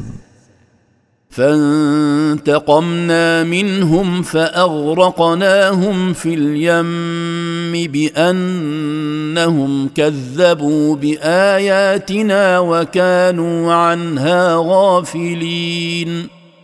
فلما حل الاجل المحدد لاهلاكهم انزلنا عليهم نقمتنا باغراقهم في البحر بسبب تكذيبهم بايات الله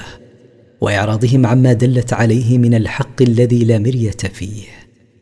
واورثنا القوم الذين كانوا يستضعفون مشارق الارض ومغاربها التي باركنا فيها وتمت كلمه ربك الحسنى على بني اسرائيل بما صبروا ودمرنا ما كان يصنع فرعون وقومه وما كانوا يعرشون واورثنا بني اسرائيل الذين كان يستذلهم فرعون وقومه مشارق الارض ومغاربها والمقصود بذلك بلاد الشام هذه البلاد التي بارك الله فيها باخراج زروعها وثمارها على اكمل ما يكون وتمت كلمه ربك ايها الرسول الحسنى وهي المذكوره في قوله تعالى ونريد ان نمن على الذين استضعفوا في الارض ونجعلهم ائمه ونجعلهم الوارثين فمكن الله لهم في الارض بسبب صبرهم على ما اصابهم من اذى فرعون وقومه ودمرنا ما كان يصنع فرعون من المزارع والمساكن وما كانوا يبنون من القصور وجاوزنا ببني اسرائيل البحر فاتوا على قوم يعكفون على اصنام لهم قالوا يا موسى اجعل لنا الها كما لهم الهه قال انكم قوم تجهلون وعبرنا ببني اسرائيل البحر لما ضربه موسى بعصاه فانفلق فمروا على قوم يقيمون على عباده اصنام لهم يعبدونها من دون الله فقال بنو اسرائيل لموسى عليه السلام يا موسى اجعل لنا صنما نعبده كما لهؤلاء اصنام يعبدونها من دون الله قال لهم موسى يا قوم انكم قوم تجهلون ما يجب لله من تعظيم وتوحيد وما لا يليق به من شرك وعباده لغيره ان هؤلاء متبر ما هم فيه وباطل ما كانوا يعملون ان هؤلاء المقيمين على عباده اصنامهم مهلك ما هم فيه من عباده غيره وباطل جميع ما كانوا يعملون من طاعه لاشراكهم في العباده مع الله غيره قال اغير الله ابغيكم الها وهو فضلكم على العالمين قال موسى لقومه يا قوم كيف اطلب لكم الها غير الله تعبدونه وقد شاهدتم من اياته العظام ما شاهدتم وهو سبحانه وتعالى فضلكم على العالمين في زمانكم بما انعم به عليكم من اهلاك عدوكم واستخلافكم في الارض والتمكين لكم فيها واذ انجيناكم من ال فرعون يسومونكم سوء العذاب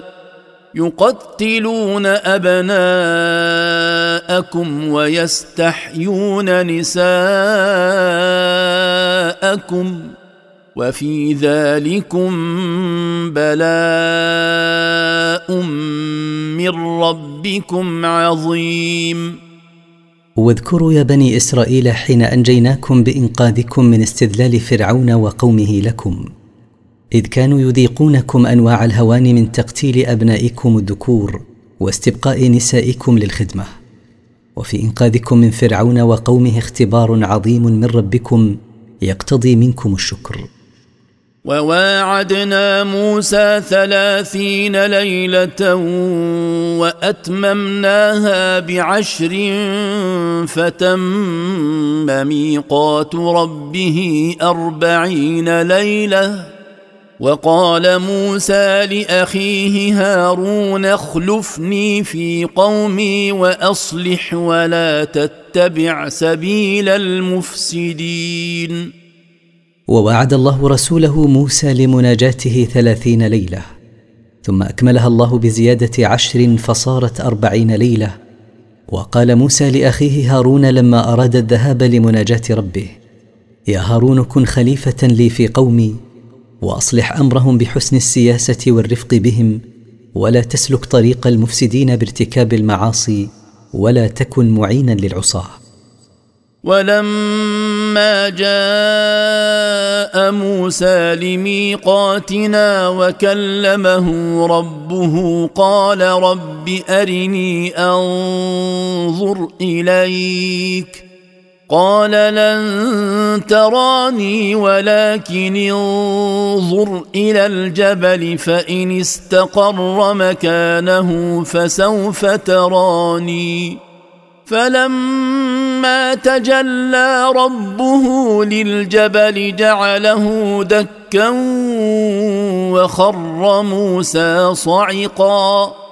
فلما افاق قال سبحانك تبت اليك وانا اول المؤمنين وحين جاء موسى لمناجاه ربه في الموعد المضروب له وهو تمام اربعين ليله وكلمه ربه بما كلمه به من الاوامر والنواهي وغيرها تاقت نفسه الى رؤيه ربه فساله ان ينظر اليه فاجابه الله سبحانه وتعالى لن تراني في الحياه الدنيا لعدم قدرتك على ذلك لكن انظر الى الجبل اذا تجليت له فان بقي مكانه لم يتاثر فسوف تراني وان صار مستويا بالارض فلن تراني في الدنيا فلما تجلى الله للجبل جعله مستويا بالارض وسقط موسى مغشيا عليه فلما افاق من الغشيه التي اصابته قال انزهك يا رب تنزيها عن كل ما لا يليق بك ها انا تبت اليك مما سالتك من رؤيتك في الدنيا وانا اول المؤمنين من قومي قال يا موسى ان إني اصطفيتك على الناس برسالاتي وبكلامي فخذ ما آتيتك وكن من الشاكرين. قال الله لموسى: يا موسى إني اخترتك وفضلتك على الناس برسالاتي حين أرسلتك إليهم، وفضلتك بكلامي لك دون واسطة، فخذ ما أعطيتك من هذا الشرف الكريم وكن من الشاكرين لله على هذا العطاء العظيم وكتبنا له في الالواح من كل شيء موعظه وتفصيلا لكل شيء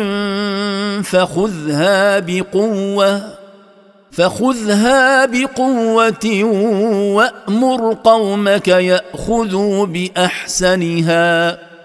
ساريكم دار الفاسقين وكتبنا لموسى في الواح من خشب او غيره من كل ما يحتاجه بنو اسرائيل من امور دينهم ودنياهم موعظه لمن يتعظ منهم وتفصيلا للاحكام التي يحتاج الى تفصيلها فخذ هذه التوراه يا موسى بجد واجتهاد وامر قومك بني اسرائيل ان ياخذوا باحسن ما فيها مما اجره اعظم كفعل المامور به على اكمل وجه وكالصبر والعفو ساريكم عاقبه من خالف امري وخرج عن طاعتي وما يصير اليه من الهلاك والدمار ساصرف عن اياتي الذين يتكبرون في الارض بغير الحق الحق وان يروا كل ايه لا يؤمنوا بها وان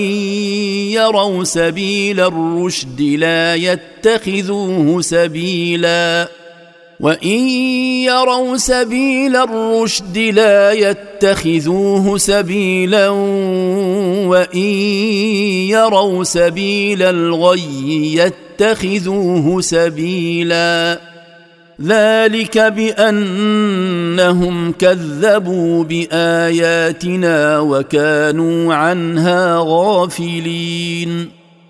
ساصرف عن الاعتبار باياتي في الافاق والانفس وعن فهم ايات كتابي الذين يستعلون على عباد الله وعلى الحق بغير حق وان يروا كل ايه لا يصدقوا بها لاعتراضهم عليها واعراضهم عنها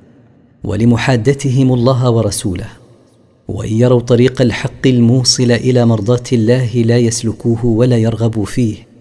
وان يروا طريق الغوايه والضلال الموصل الى سخط الله يسلكوه ذلك الذي اصابهم انما اصابهم لتكذيبهم بايات الله العظيمه الداله على صدق ما جاء به الرسل ولغفلتهم عن النظر فيها والذين كذبوا باياتنا ولقاء الاخره حبطت اعمالهم هل يجزون الا ما كانوا يعملون والذين كذبوا باياتنا الداله على صدق رسلنا وكذبوا بلقاء الله يوم القيامه بطلت اعمالهم التي هي من جنس الطاعات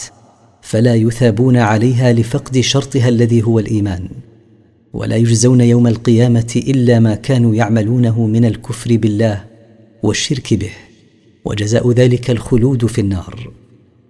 واتخذ قوم موسى من بعده من حليهم عجلا جسدا له خوار الم يروا انه لا يكلمهم ولا يهديهم سبيلا اتخذوه وكانوا ظالمين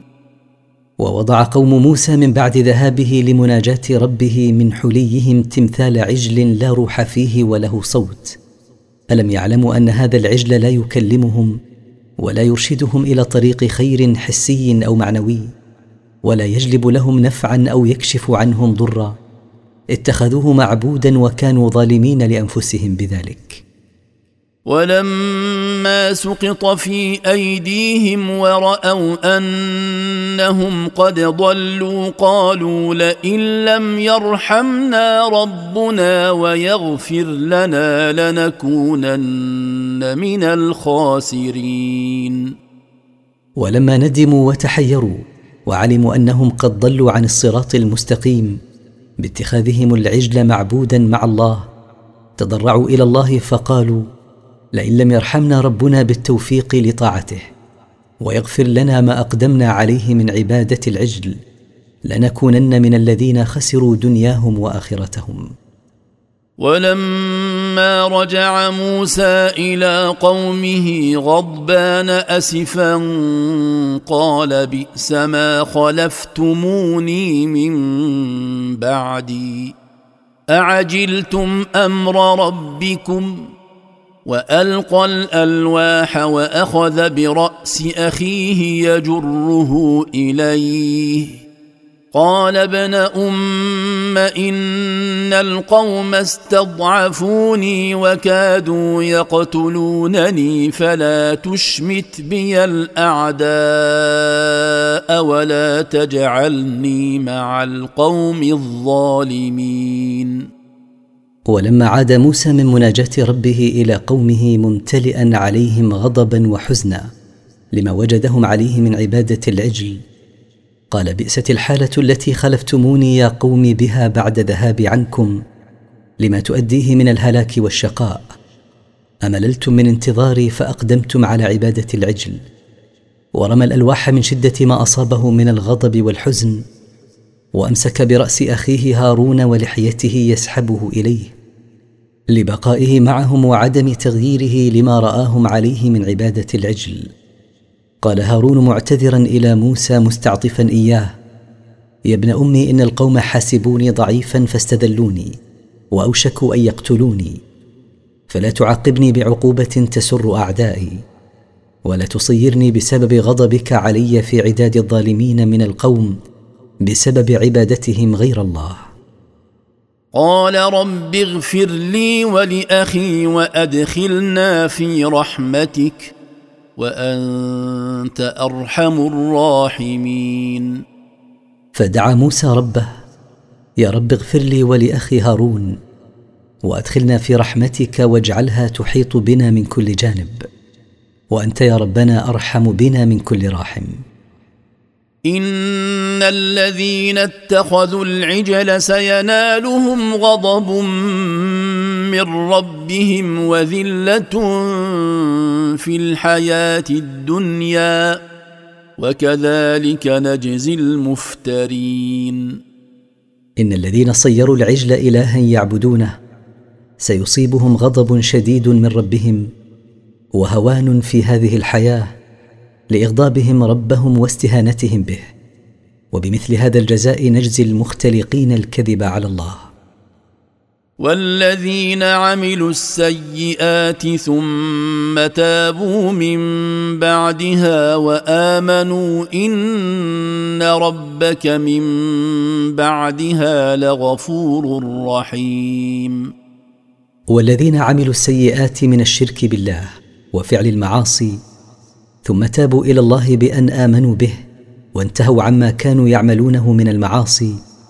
ان ربك ايها الرسول من بعد هذه التوبه والرجوع من الشرك الى الايمان ومن المعاصي الى الطاعه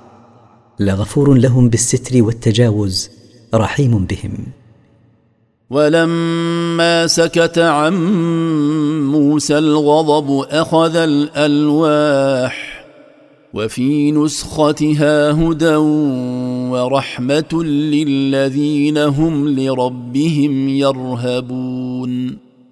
ولما سكن عن موسى عليه السلام الغضب وهدا اخذ الالواح التي رماها بسبب الغضب وهذه الالواح مشتمله على الهدايه من الضلال وبيان الحق ومشتمله على الرحمه للذين يخشون ربهم ويخافون عقابه واختار موسى قومه سبعين رجلا لميقاتنا فلما اخذتهم الرجفه قال رب لو شئت اهلكتهم من قبل واياي اتهلكنا بما فعل السفهاء منا ان هي الا فتنتك تضل بها من تشاء وتهدي من تشاء انت ولينا فاغفر لنا وارحمنا وانت خير الغافرين واصطفى موسى سبعين رجلا من خيار قومه ليعتذروا الى ربهم مما فعله سفهاؤهم من عباده العجل ووعدهم الله ميقاتا يحضرون فيه فلما حضروا تجرأوا على الله وطلبوا من موسى ان يريهم الله عيانا فاخذتهم الزلزله فصعقوا من هولها وهلكوا فتضرع موسى الى ربه فقال يا رب لو شئت اهلاكهم واهلاكي معهم من قبل مجيئهم لاهلكتهم اتهلكنا بسبب ما فعله خفاف العقول منا فما قام به قومي من عباده العجل ما هو الا ابتلاء واختبار تضل به من تشاء وتهدي من تشاء انت متولي امرنا فاغفر لنا ذنوبنا وارحمنا برحمتك الواسعه وانت خير من غفر ذنبا وعفى عن اثم واكتب لنا في هذه الدنيا حسنه وفي الاخره انا هدنا اليك قال عذابي اصيب به من اشاء ورحمتي وسعت كل شيء فساكتبها للذين يتقون ويؤتون الزكاه والذين هم باياتنا يؤمنون واجعلنا من الذين اكرمتهم في هذه الحياه بالنعم والعافيه ووفقتهم للعمل الصالح وممن اعددت لهم الجنه من عبادك الصالحين في الاخره انا تبنا اليك ورجعنا مقرين بتقصيرنا قال الله تعالى عذابي اصيب به من اشاء ممن يعمل باسباب الشقاء ورحمتي شملت كل شيء في الدنيا فلا مخلوق الا وقد وصلت اليه رحمه الله وغمره فضله واحسانه فساكتب رحمتي في الاخره للذين يتقون الله بامتثال اوامره واجتناب نواهيه والذين يعطون زكاه اموالهم مستحقيها والذين هم باياتنا يؤمنون الذين يتبعون الرسول النبي الامي الذي يجدونه مكتوبا عندهم في التوراه والانجيل يامرهم بالمعروف يامرهم بالمعروف وينهاهم عن المنكر ويحل لهم الطيبات ويحرم عليهم الخبائث ويحرم عليهم الخبائث ويضع عنهم اصرهم والاغلال التي كانت عليهم فالذين امنوا به وعزروه ونصروه واتبعوا النور الذي انزل معه اولئك هم المفلحون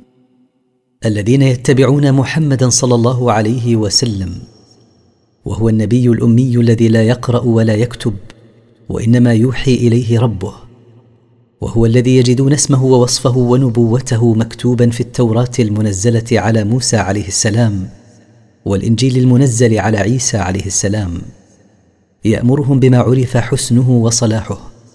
وينهاهم عما عرف قبحه في العقول الصحيحه والفطر السليمه ويبيح لهم المستلذات مما لا ضرر فيه من المطاعم والمشارب والمناكح ويحرم عليهم المستخبثات منها ويزيل عنهم التكاليف الشاقه التي كانوا يكلفون بها كوجوب قتل القاتل سواء كان القتل عمدا ام خطا فالذين امنوا به من بني اسرائيل ومن غيرهم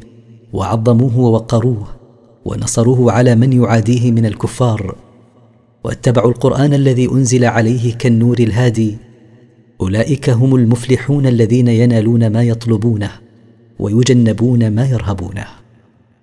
قل يا ايها الناس اني رسول الله اليكم جميعا الذي له ملك السماوات والارض لا اله الا هو يحيي ويميت فامنوا بالله ورسوله النبي الامي الذي يؤمن بالله وكلماته واتبعوه لعلكم تهتدون قل ايها الرسول يا ايها الناس اني رسول الله اليكم جميعا عربكم وعجمكم الذي له وحده ملك السماوات وله ملك الارض لا معبود بحق غيره سبحانه يحيي الموتى ويميت الاحياء فامنوا ايها الناس بالله وامنوا بمحمد صلى الله عليه وسلم رسوله النبي الذي لا يقرا ولا يكتب وانما جاء بوحي يوحيه اليه ربه الذي يؤمن بالله ويؤمن بما انزل اليه وما انزل على النبيين من قبله دون تفريق واتبعوه فيما جاء به من ربه رجاء ان تهتدوا الى ما فيه مصلحتكم في الدنيا والاخره ولما ذكر الله ما ذكر عن بني اسرائيل من عباده العجل ذكر سبحانه ان منهم امه مخالفه لما عليه الذين عبدوا العجل فقال ومن قوم موسى امه يهدون بالحق وبه يعدلون ومن قوم موسى من بني اسرائيل جماعه مستقيمه على الدين الصحيح يدلون الناس عليه ويحكمون بالعدل فلا يجورون وقطعناهم اثنتي عشره اسباطا امما واوحينا الى موسى اذ استسقاه قومه ان اضرب بعصاك الحجر فانبجست منه اثنتا عشره عينا قد علم كل اناس مشربهم وظللنا عليهم الغمام وانزلنا عليهم المن والسلوى كلوا من طيبات ما رزقناكم وما ظلمونا ولكن كانوا انفسهم يظلمون وقسمنا بني اسرائيل اثنتي عشره قبيله واوحينا الى موسى حين طلب منه قومه ان يدعو الله ان يسقيهم ان اضرب يا موسى بعصاك الحجر فضربه موسى فانفجرت منه اثنتا عشره عينا بعدد قبائلهم الاثنتي عشره قد علمت كل قبيله منهم مشربها الخاص بها فلا تشترك معها فيه قبيله اخرى وظللنا عليهم السحاب يسير بسيرهم ويتوقف بتوقفهم وانزلنا عليهم من نعمنا شرابا حلوا مثل العسل وطائرا صغيرا طيب اللحم يشبه السمانه وقلنا لهم كلوا من طيبات ما رزقناكم وما نقصونا شيئا بما وقع منهم من الظلم وكفران النعم وعدم تقديرها حق قدرها ولكن كانوا انفسهم يظلمون بنقص حظوظها حين اوردوها موارد الهلاك بما ارتكبوه من مخالفه امر الله والتنكر لنعمه واذ قيل لهم اسكنوا هذه القريه وكلوا منها حيث شئتم وقولوا حطه وادخلوا الباب سجدا وادخلوا الباب سجدا نغفر لكم خطيئاتكم سنزيد المحسنين واذكر ايها الرسول حين قال الله لبني اسرائيل ادخلوا بيت المقدس وكلوا من ثمار قريته من اي مكان منه وفي اي وقت شئتم وقولوا يا ربنا حط عنا خطايانا وادخلوا الباب راكعين خاضعين لربكم فان فعلتم ذلك تجاوزنا عن ذنوبكم وسنزيد المحسنين من خيري الدنيا والاخره فبدل الذين ظلموا منهم قولا غير الذي قيل لهم فارسلنا عليهم رجزا فارسلنا عليهم رجزا من السماء بما كانوا يظلمون فغير الظالمون منهم القول الذي امروا به فقالوا حبه في شعره عوضا عما امروا به من طلب المغفره وغيروا الفعل الذي امروا به فدخلوا يزحفون على ادبارهم بدلا من الدخول خاضعين لله مقنعي رؤوسهم فارسلنا عليهم عذابا من السماء بسبب ظلمهم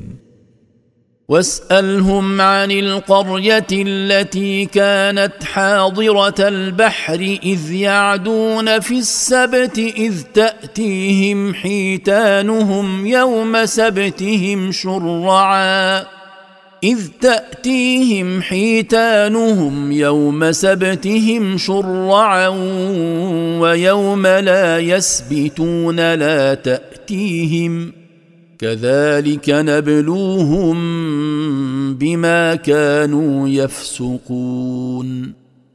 واسال ايها الرسول اليهود تذكيرا لهم بما عاقب الله به اسلافهم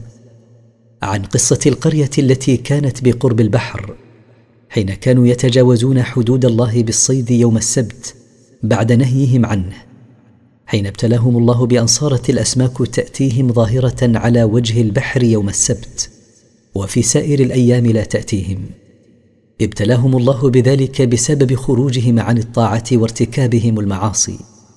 فاحتالوا لصيده بان نصبوا شباكهم وحفروا حفرهم فكانت الحيتان تقع فيها يوم السبت فاذا كان يوم الاحد اخذوها واكلوها واذ قالت امه منهم لم تعظون قوما الله مهلكهم او معذبهم عذابا شديدا قالوا معذره الى ربكم ولعلهم يتقون واذكر ايها الرسول حين كانت جماعه منهم تنهاهم عن هذا المنكر وتحذرهم منه فقالت لها جماعه اخرى لم تنصحون جماعه الله مهلكها في الدنيا بما ارتكبته من المعاصي او معذبها يوم القيامه عذابا شديدا قال الناصحون نصيحتنا لهم معذره الى الله بفعل ما امرنا به من الامر بالمعروف والنهي عن المنكر حتى لا يؤاخذنا بترك ذلك ولعلهم ينتفعون بالموعظه فيقلعون عما هم فيه من المعصيه فلما نسوا ما ذكروا به انجينا الذين ينهون عن السوء واخذنا الذين ظلموا واخذنا الذين ظلموا بعذاب بئيس بما كانوا يفسقون فلما اعرض العصاه عما ذكرهم به الواعظون ولم يكفوا انجينا الذين نهوا عن المنكر من العذاب واخذنا الذين ظلموا باعتدائهم بالصيد يوم السبت بعذاب شديد بسبب خروجهم عن طاعه الله واصرارهم على المعصيه فلما عتوا عما نهوا عنه قلنا لهم كونوا قرده خاسئين فلما تجاوزوا الحد في عصيان الله تكبرا وعنادا ولم يتعظوا قلنا لهم ايها العصاه كونوا قرده اذلاء فكانوا كما اردنا انما امرنا لشيء اذا اردناه ان نقول له كن فيكون واذ تاذن ربك ليبعثن عليهم الى يوم القيامه من يسومهم سوء العذاب ان ربك لسريع العقاب وانه لغفور رحيم واذكر ايها الرسول اذ اعلم الله اعلاما صريحا لا لبس فيه ليسلطن على اليهود من يذلهم ويهينهم في حياتهم الدنيا الى يوم القيامه ان ربك ايها الرسول لسريع العقاب لمن عصاه حتى انه قد يعجل له العقوبه في الدنيا وانه لغفور لذنوب من تاب من عباده رحيم بهم وقطعناهم في الارض امما منهم الصالحون ومنهم دون ذلك وبلوناهم بالحسنات والسيئات لعلهم يرجعون وفرقناهم في الارض ومزقناهم فيها طوائف بعد ان كانوا مجتمعين منهم الصالحون القائمون بحقوق الله وحقوق عباده ومنهم المقتصدون ومنهم المسرفون على انفسهم بالمعاصي واختبرناهم باليسر والعسر رجاء ان يرجعوا عما هم فيه فخلف من بعدهم خلف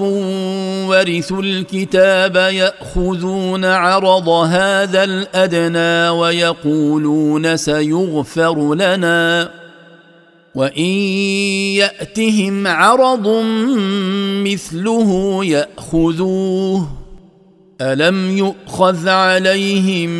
ميثاق الكتاب الا يقولوا على الله الا الحق ودرسوا ما فيه والدار الاخره خير للذين يتقون افلا تعقلون فجاء من بعد هؤلاء اهل سوء يخلفونهم اخذوا التوراه من اسلافهم يقرؤونها ولا يعملون بما فيها ياخذون متاع الدنيا الرديء رشوه لتحريفهم كتاب الله والحكم بغير ما انزل فيه ويمنون انفسهم بان الله سيغفر لهم ذنوبهم وان ياتهم متاع دنيوي زهيد ياخذوه مره بعد مره الم ياخذ الله العهود والمواثيق على هؤلاء الا يقولوا على الله الا الحق دون تحريف او تبديل ولم يكن تركهم للعمل بالكتاب عن جهل بل كان على علم فقد قرأوا ما فيه وعلموه فذنبهم أشد والدار الآخرة وما في الدار الآخرة من نعيم دائم خير من ذلك المتاع الزائل للذين يتقون الله بامتثال أوامره واجتناب نواهيه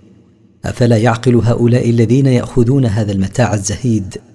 ان ما اعده الله للمتقين في الاخره خير وابقى والذين يمسكون بالكتاب واقاموا الصلاه انا لا نضيع اجر المصلحين والذين يتمسكون بالكتاب ويعملون بما فيه ويقيمون الصلاه بالمحافظه على اوقاتها وشروطها وواجباتها وسننها سيجازيهم الله على اعمالهم فالله لا يضيع اجر من عمله صالح واذ نتقنا الجبل فوقهم كانه ظله وظنوا انه واقع بهم خذوا ما اتيناكم بقوه خذوا ما اتيناكم بقوه واذكروا ما فيه لعلكم تتقون واذكر يا محمد اذ اقتلعنا الجبل فرفعناه فوق بني اسرائيل لما امتنعوا من قبول ما في التوراه فصار الجبل كانه سحابه تظل رؤوسهم وايقنوا انه ساقط عليهم وقيل لهم خذوا ما اعطيناكم بجد واجتهاد وعزيمه وتذكروا ما فيه من الاحكام التي شرعها الله لكم ولا تنسوه رجاء ان تتقوا الله اذا قمتم بذلك واذ اخذ ربك من بني ادم من ظهورهم ذريتهم واشهدهم على انفسهم الست بربكم قالوا بلى شهدنا ان تقولوا يوم القيامه انا كنا عن هذا غافلين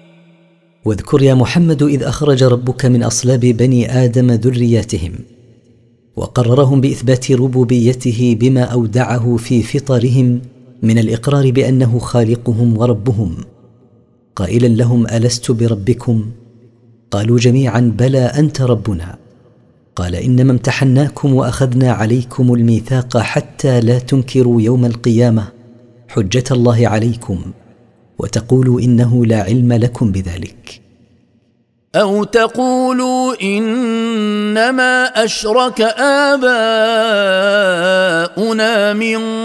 قبل وكنا ذريه من بعدهم افتهلكنا بما فعل المبطلون او تحتجوا بان اباءكم هم الذين نقضوا العهد فاشركوا بالله وانكم كنتم مقلدين لابائكم فيما وجدتموهم عليه من الشرك فتقولوا افتؤاخذنا يا ربنا بما فعله اباؤنا الذين ابطلوا اعمالهم بالشرك بالله فتعذبنا فلا ذنب لنا لجهلنا وتقليدنا لابائنا وكذلك نفصل الايات ولعلهم يرجعون وكما بينا الايات في مصير الامم المكذبه كذلك نبينها لهؤلاء رجاء ان يرجعوا عما هم عليه من الشرك الى توحيد الله وعبادته وحده كما جاء في العهد الذي قطعوه لله على انفسهم واتل عليهم نبا الذي اتيناه اياتنا فانسلخ منها فاتبعه الشيطان فكان من الغاوين واقرا ايها الرسول على بني اسرائيل خبر رجل منهم اعطيناه اياتنا فعلمها وفهم الحق الذي دلت عليه ولكنه لم يعمل بها بل تركها وانخلع منها فلحقه الشيطان وصار قرينا له فاصبح من الضالين الهالكين بعد ان كان من المهتدين الناجين ولو شئنا لرفعناه بها ولكنه اخلد الى الارض واتبع هواه فمثله كمثل الكلب ان تحمل عليه يلهث او تتركه يلهث ذلك مثل القوم الذين كذبوا باياتنا فقصص القصص لعلهم يتفكرون ولو شئنا نفعه بهذه الايات لرفعناه بها بان نوفقه للعمل بها فيرتفع في الدنيا والاخره ولكنه اختار ما يؤدي الى خذلانه حين مال الى شهوات الدنيا مؤثرا دنياه على اخرته واتبع ما تهواه نفسه من الباطل فمثله في شده الحرص على الدنيا كمثل الكلب لا يزال لاهثا في كل حال ان كان رابضا لهث وان طرد لهث ذلك المثل المذكور مثل القوم الضالين بتكذيبهم باياتنا فاقصص ايها الرسول القصص عليهم رجاء ان يتفكروا فينزجروا عما هم فيه من التكذيب والضلال ساء مثلا القوم الذين كذبوا باياتنا وانفسهم كانوا يظلمون ليس اسوا من القوم الذين كذبوا بحججنا وبراهيننا ولم يصدقوا بها وهم بذلك يظلمون انفسهم بايرادها موارد الهلاك من يهد الله فهو المهتدي ومن يضلل فاولئك هم الخاسرون من يوفقه الله للهدايه الى صراطه المستقيم فهو المهتدي حقا ومن يبعده عن الصراط المستقيم فاولئك هم الناقصون انفسهم حظوظهم حقا الذين خسروا انفسهم واهليهم يوم القيامه الا ذلك هو الخسران المبين ولقد ذرانا لجهنم كثيرا من الجن والانس لهم قلوب لا يفقهون بها ولهم اعين لا يبصرون بها ولهم اذان لا يسمعون بها اولئك كالانعام بل هم اضل اولئك هم الغافلون ولقد انشانا لجهنم كثيرا من الجن وكثيرا من الانس لعلمنا بانهم سيعملون بعمل اهلها لهم قلوب لا يدركون بها ما ينفعهم ولا ما يضرهم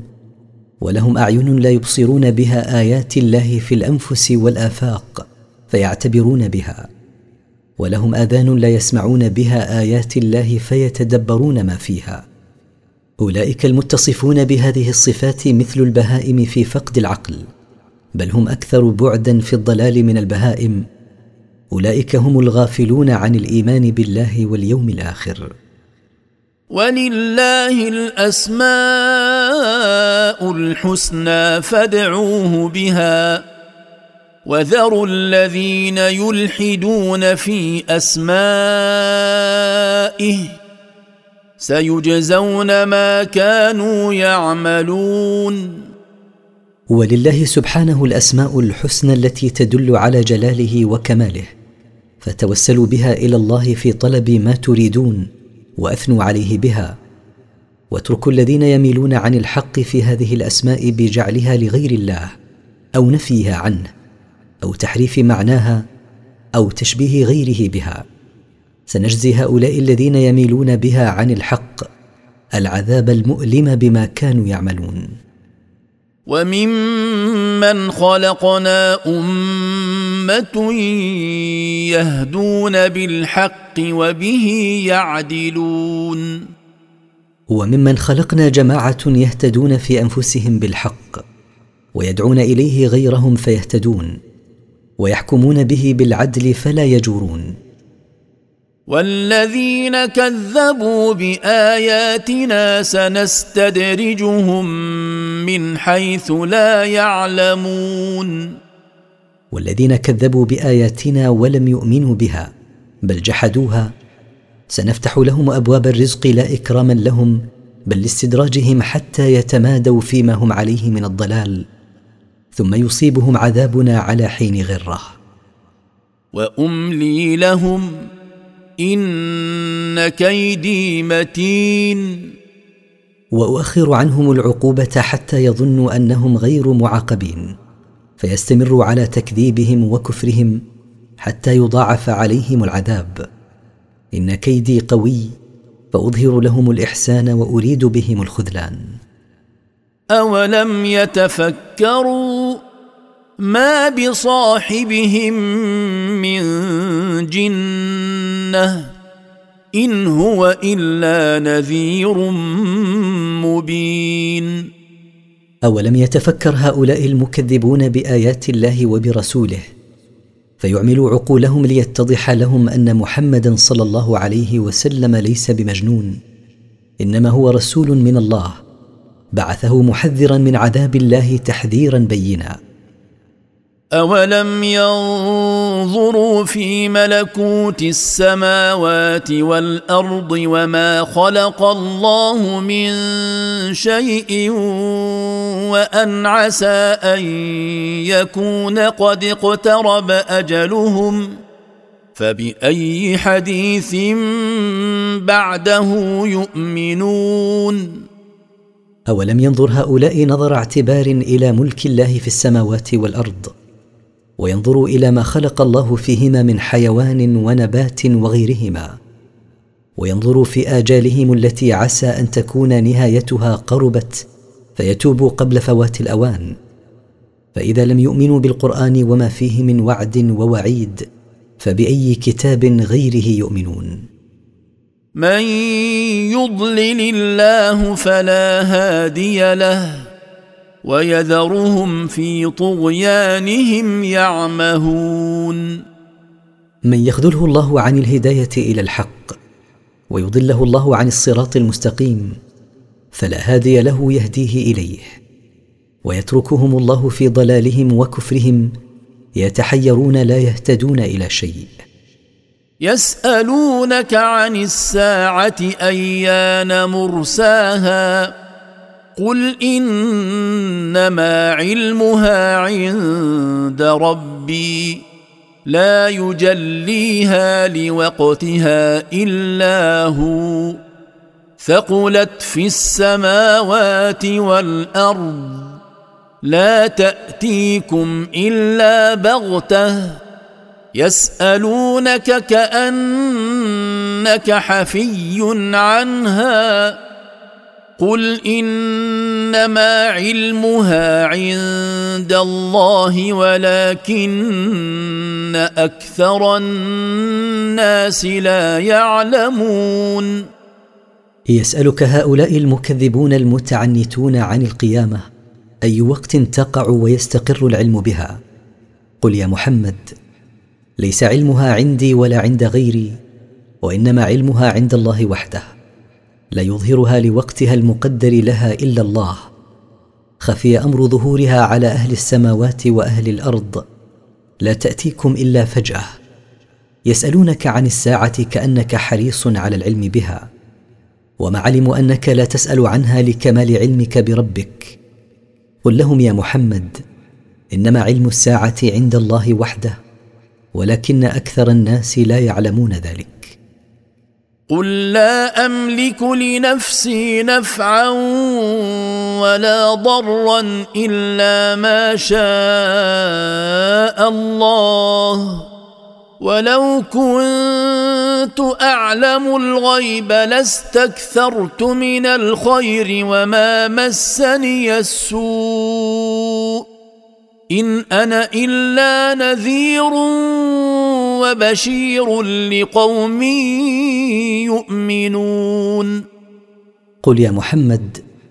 لا استطيع جلب خير لنفسي ولا كشف سوء عنها الا ما شاء الله وانما ذلك الى الله ولا اعلم الا ما علمني الله فلا اعلم الغيب ولو كنت اعلم الغيب لفعلت الاسباب التي اعلم انها تجلب لي المصالح وتدفع عني المفاسد لعلمي بالاشياء قبل كونها وعلمي بما تؤول اليه لست الا رسولا من عند الله اخوف من عقابه الاليم وابشر بثوابه الكريم قوما يؤمنون باني رسول منه سبحانه وتعالى ويصدقون بما جئت به هو الذي خلقكم من نفس واحده وجعل منها زوجها ليسكن اليها فلما تغشاها حملت حملا خفيفا فمرت به فلما اثقلت دعوا الله ربهما لئن اتيتنا صالحا لنكونن من الشاكرين هو الذي اوجدكم ايها الرجال والنساء من نفس واحده هي ادم عليه السلام وخلق من ادم عليه السلام زوجته حواء خلقها من ضلعه ليانس اليها ويطمئن بها فلما جمع زوج زوجته حملت حملا خفيفا لا تشعر به لانه كان في بدايته واستمرت على حملها هذا تمضي في حوائجها لا تجد ثقلا فلما اثقلت به حين كبر في بطنها دعا الزوجان ربهما قائلين لئن اعطيتنا يا ربنا ولدا صالح الخلقه تامها لنكونن من الشاكرين لنعمك فلما اتاهما صالحا جعلا له شركاء فيما اتاهما فتعالى الله عما يشركون فلما استجاب الله دعاءهما واعطاهما ولدا صالحا كما دعوا صيرا لله شركاء فيما وهبهما فعبدا ولدهما لغيره وسمياه عبد الحارث فتعالى الله وتنزه عن كل شريك فهو المنفرد بالربوبيه والالوهيه ايشركون ما لا يخلق شيئا وهم يخلقون ايجعلون هذه الاصنام وغيرها شركاء لله في العباده وهم يعلمون انها لا تخلق شيئا فتستحق العباده بل هي مخلوقه فكيف يجعلونها شركاء لله ولا يستطيعون لهم نصرا ولا انفسهم ينصرون ولا تقدر هذه المعبودات نصر عابديها ولا تقدر نصر انفسها فكيف يعبدونها وان تدعوهم الى الهدى لا يتبعوكم سواء عليكم ادعوتموهم ام انتم صامتون وان تدعوا ايها المشركون هذه الاصنام التي تتخذونها الهه من دون الله الى الهدى لا يجيبوكم الى ما دعوتموهم اليه ولا يتبعوكم فسواء عندها دعاؤكم لها وسكوتكم عنها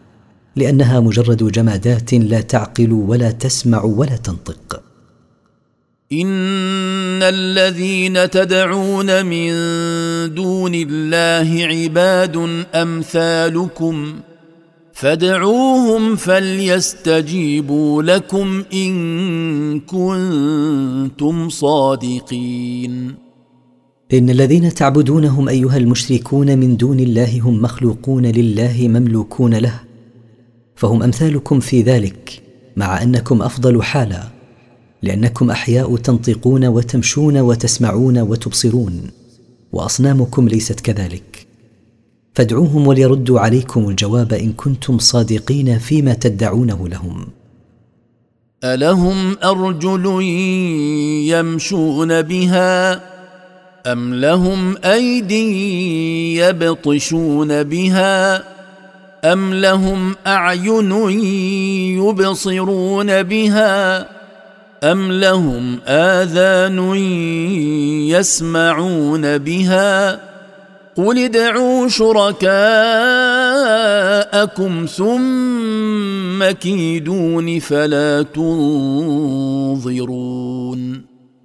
ألهؤلاء الأصنام الذين اتخذتموهم آلهة أرجل يمشون بها فيسعون في حوائجكم ؟ ام لهم ايد يدفعون بها عنكم بقوه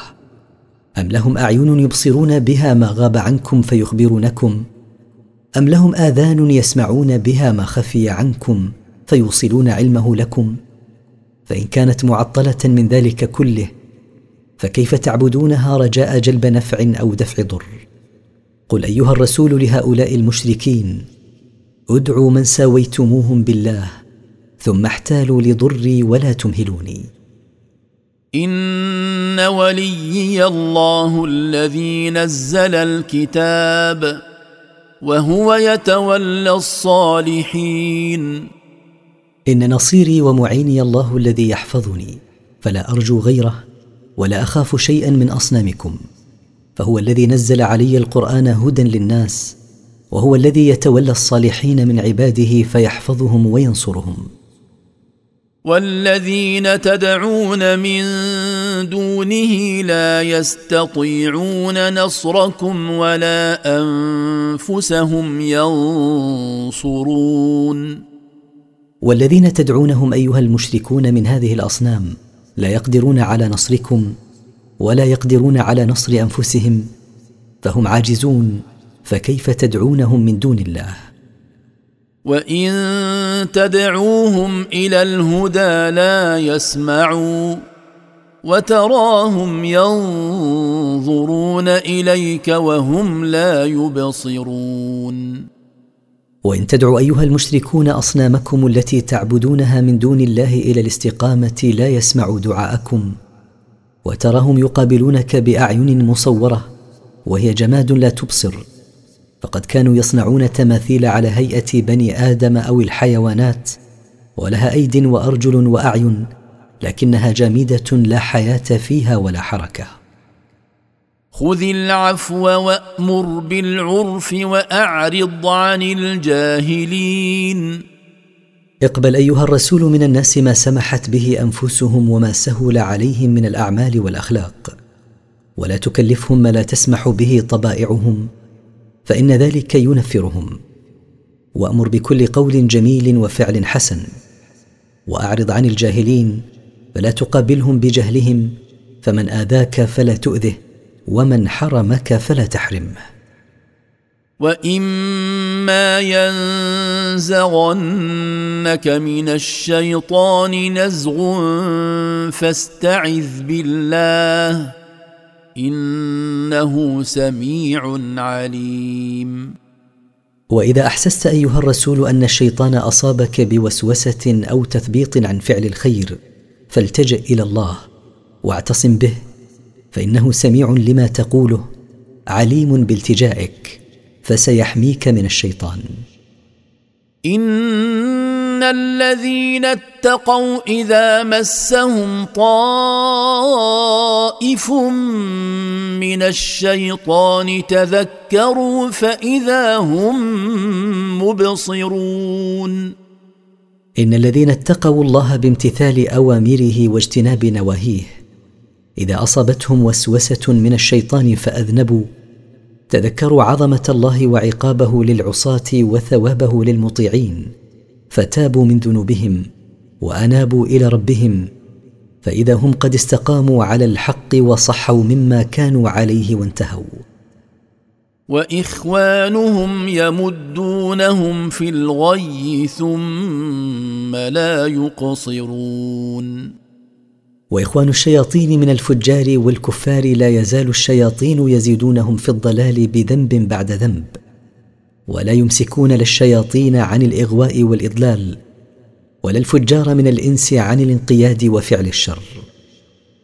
واذا لم تاتهم بايه قالوا لولا اجتبيتها قل انما اتبع ما يوحى الي من ربي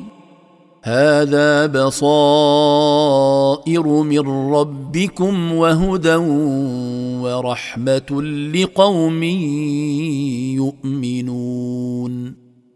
واذا جئت ايها الرسول بايه كذبوك واعرضوا عنها وان لم تاتهم بايه قالوا هل اخترعت ايه من عندك واختلقتها قل لهم ايها الرسول ليس لي ان اتي بايه من تلقاء نفسي ولا اتبع الا ما يوحيه الله الي هذا القران الذي اقراه عليكم حجج وبراهين من الله خالقكم ومدبر شؤونكم وارشاد ورحمه للمؤمنين من عباده واما غير المؤمنين فهم ضلال اشقياء واذا قرئ القران فاستمعوا له وانصتوا لعلكم ترحمون واذا قرئ القران فاستمعوا لقراءته ولا تتكلموا ولا تنشغلوا بغيره رجاء ان يرحمكم الله واذكر ربك في نفسك تضرعا وخيفه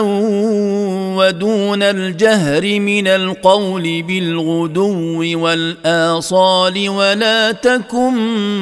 من الغافلين واذكر ايها الرسول الله ربك متذللا متواضعا خائفا واجعل دعاءك وسطا بين رفع الصوت وخفضه في اول النهار واخره لفضل هذين الوقتين ولا تكن من الغافلين عن ذكر الله تعالى ان الذين عند ربك لا يستكبرون عن عبادته ويسبحونه وله يسجدون ان الذين عند ربك ايها الرسول من الملائكه لا يترفعون عن عبادته سبحانه بل ينقادون لها مذعنين لا يفترون وهم ينزهون الله بالليل والنهار عما لا يليق به وله وحده يسجدون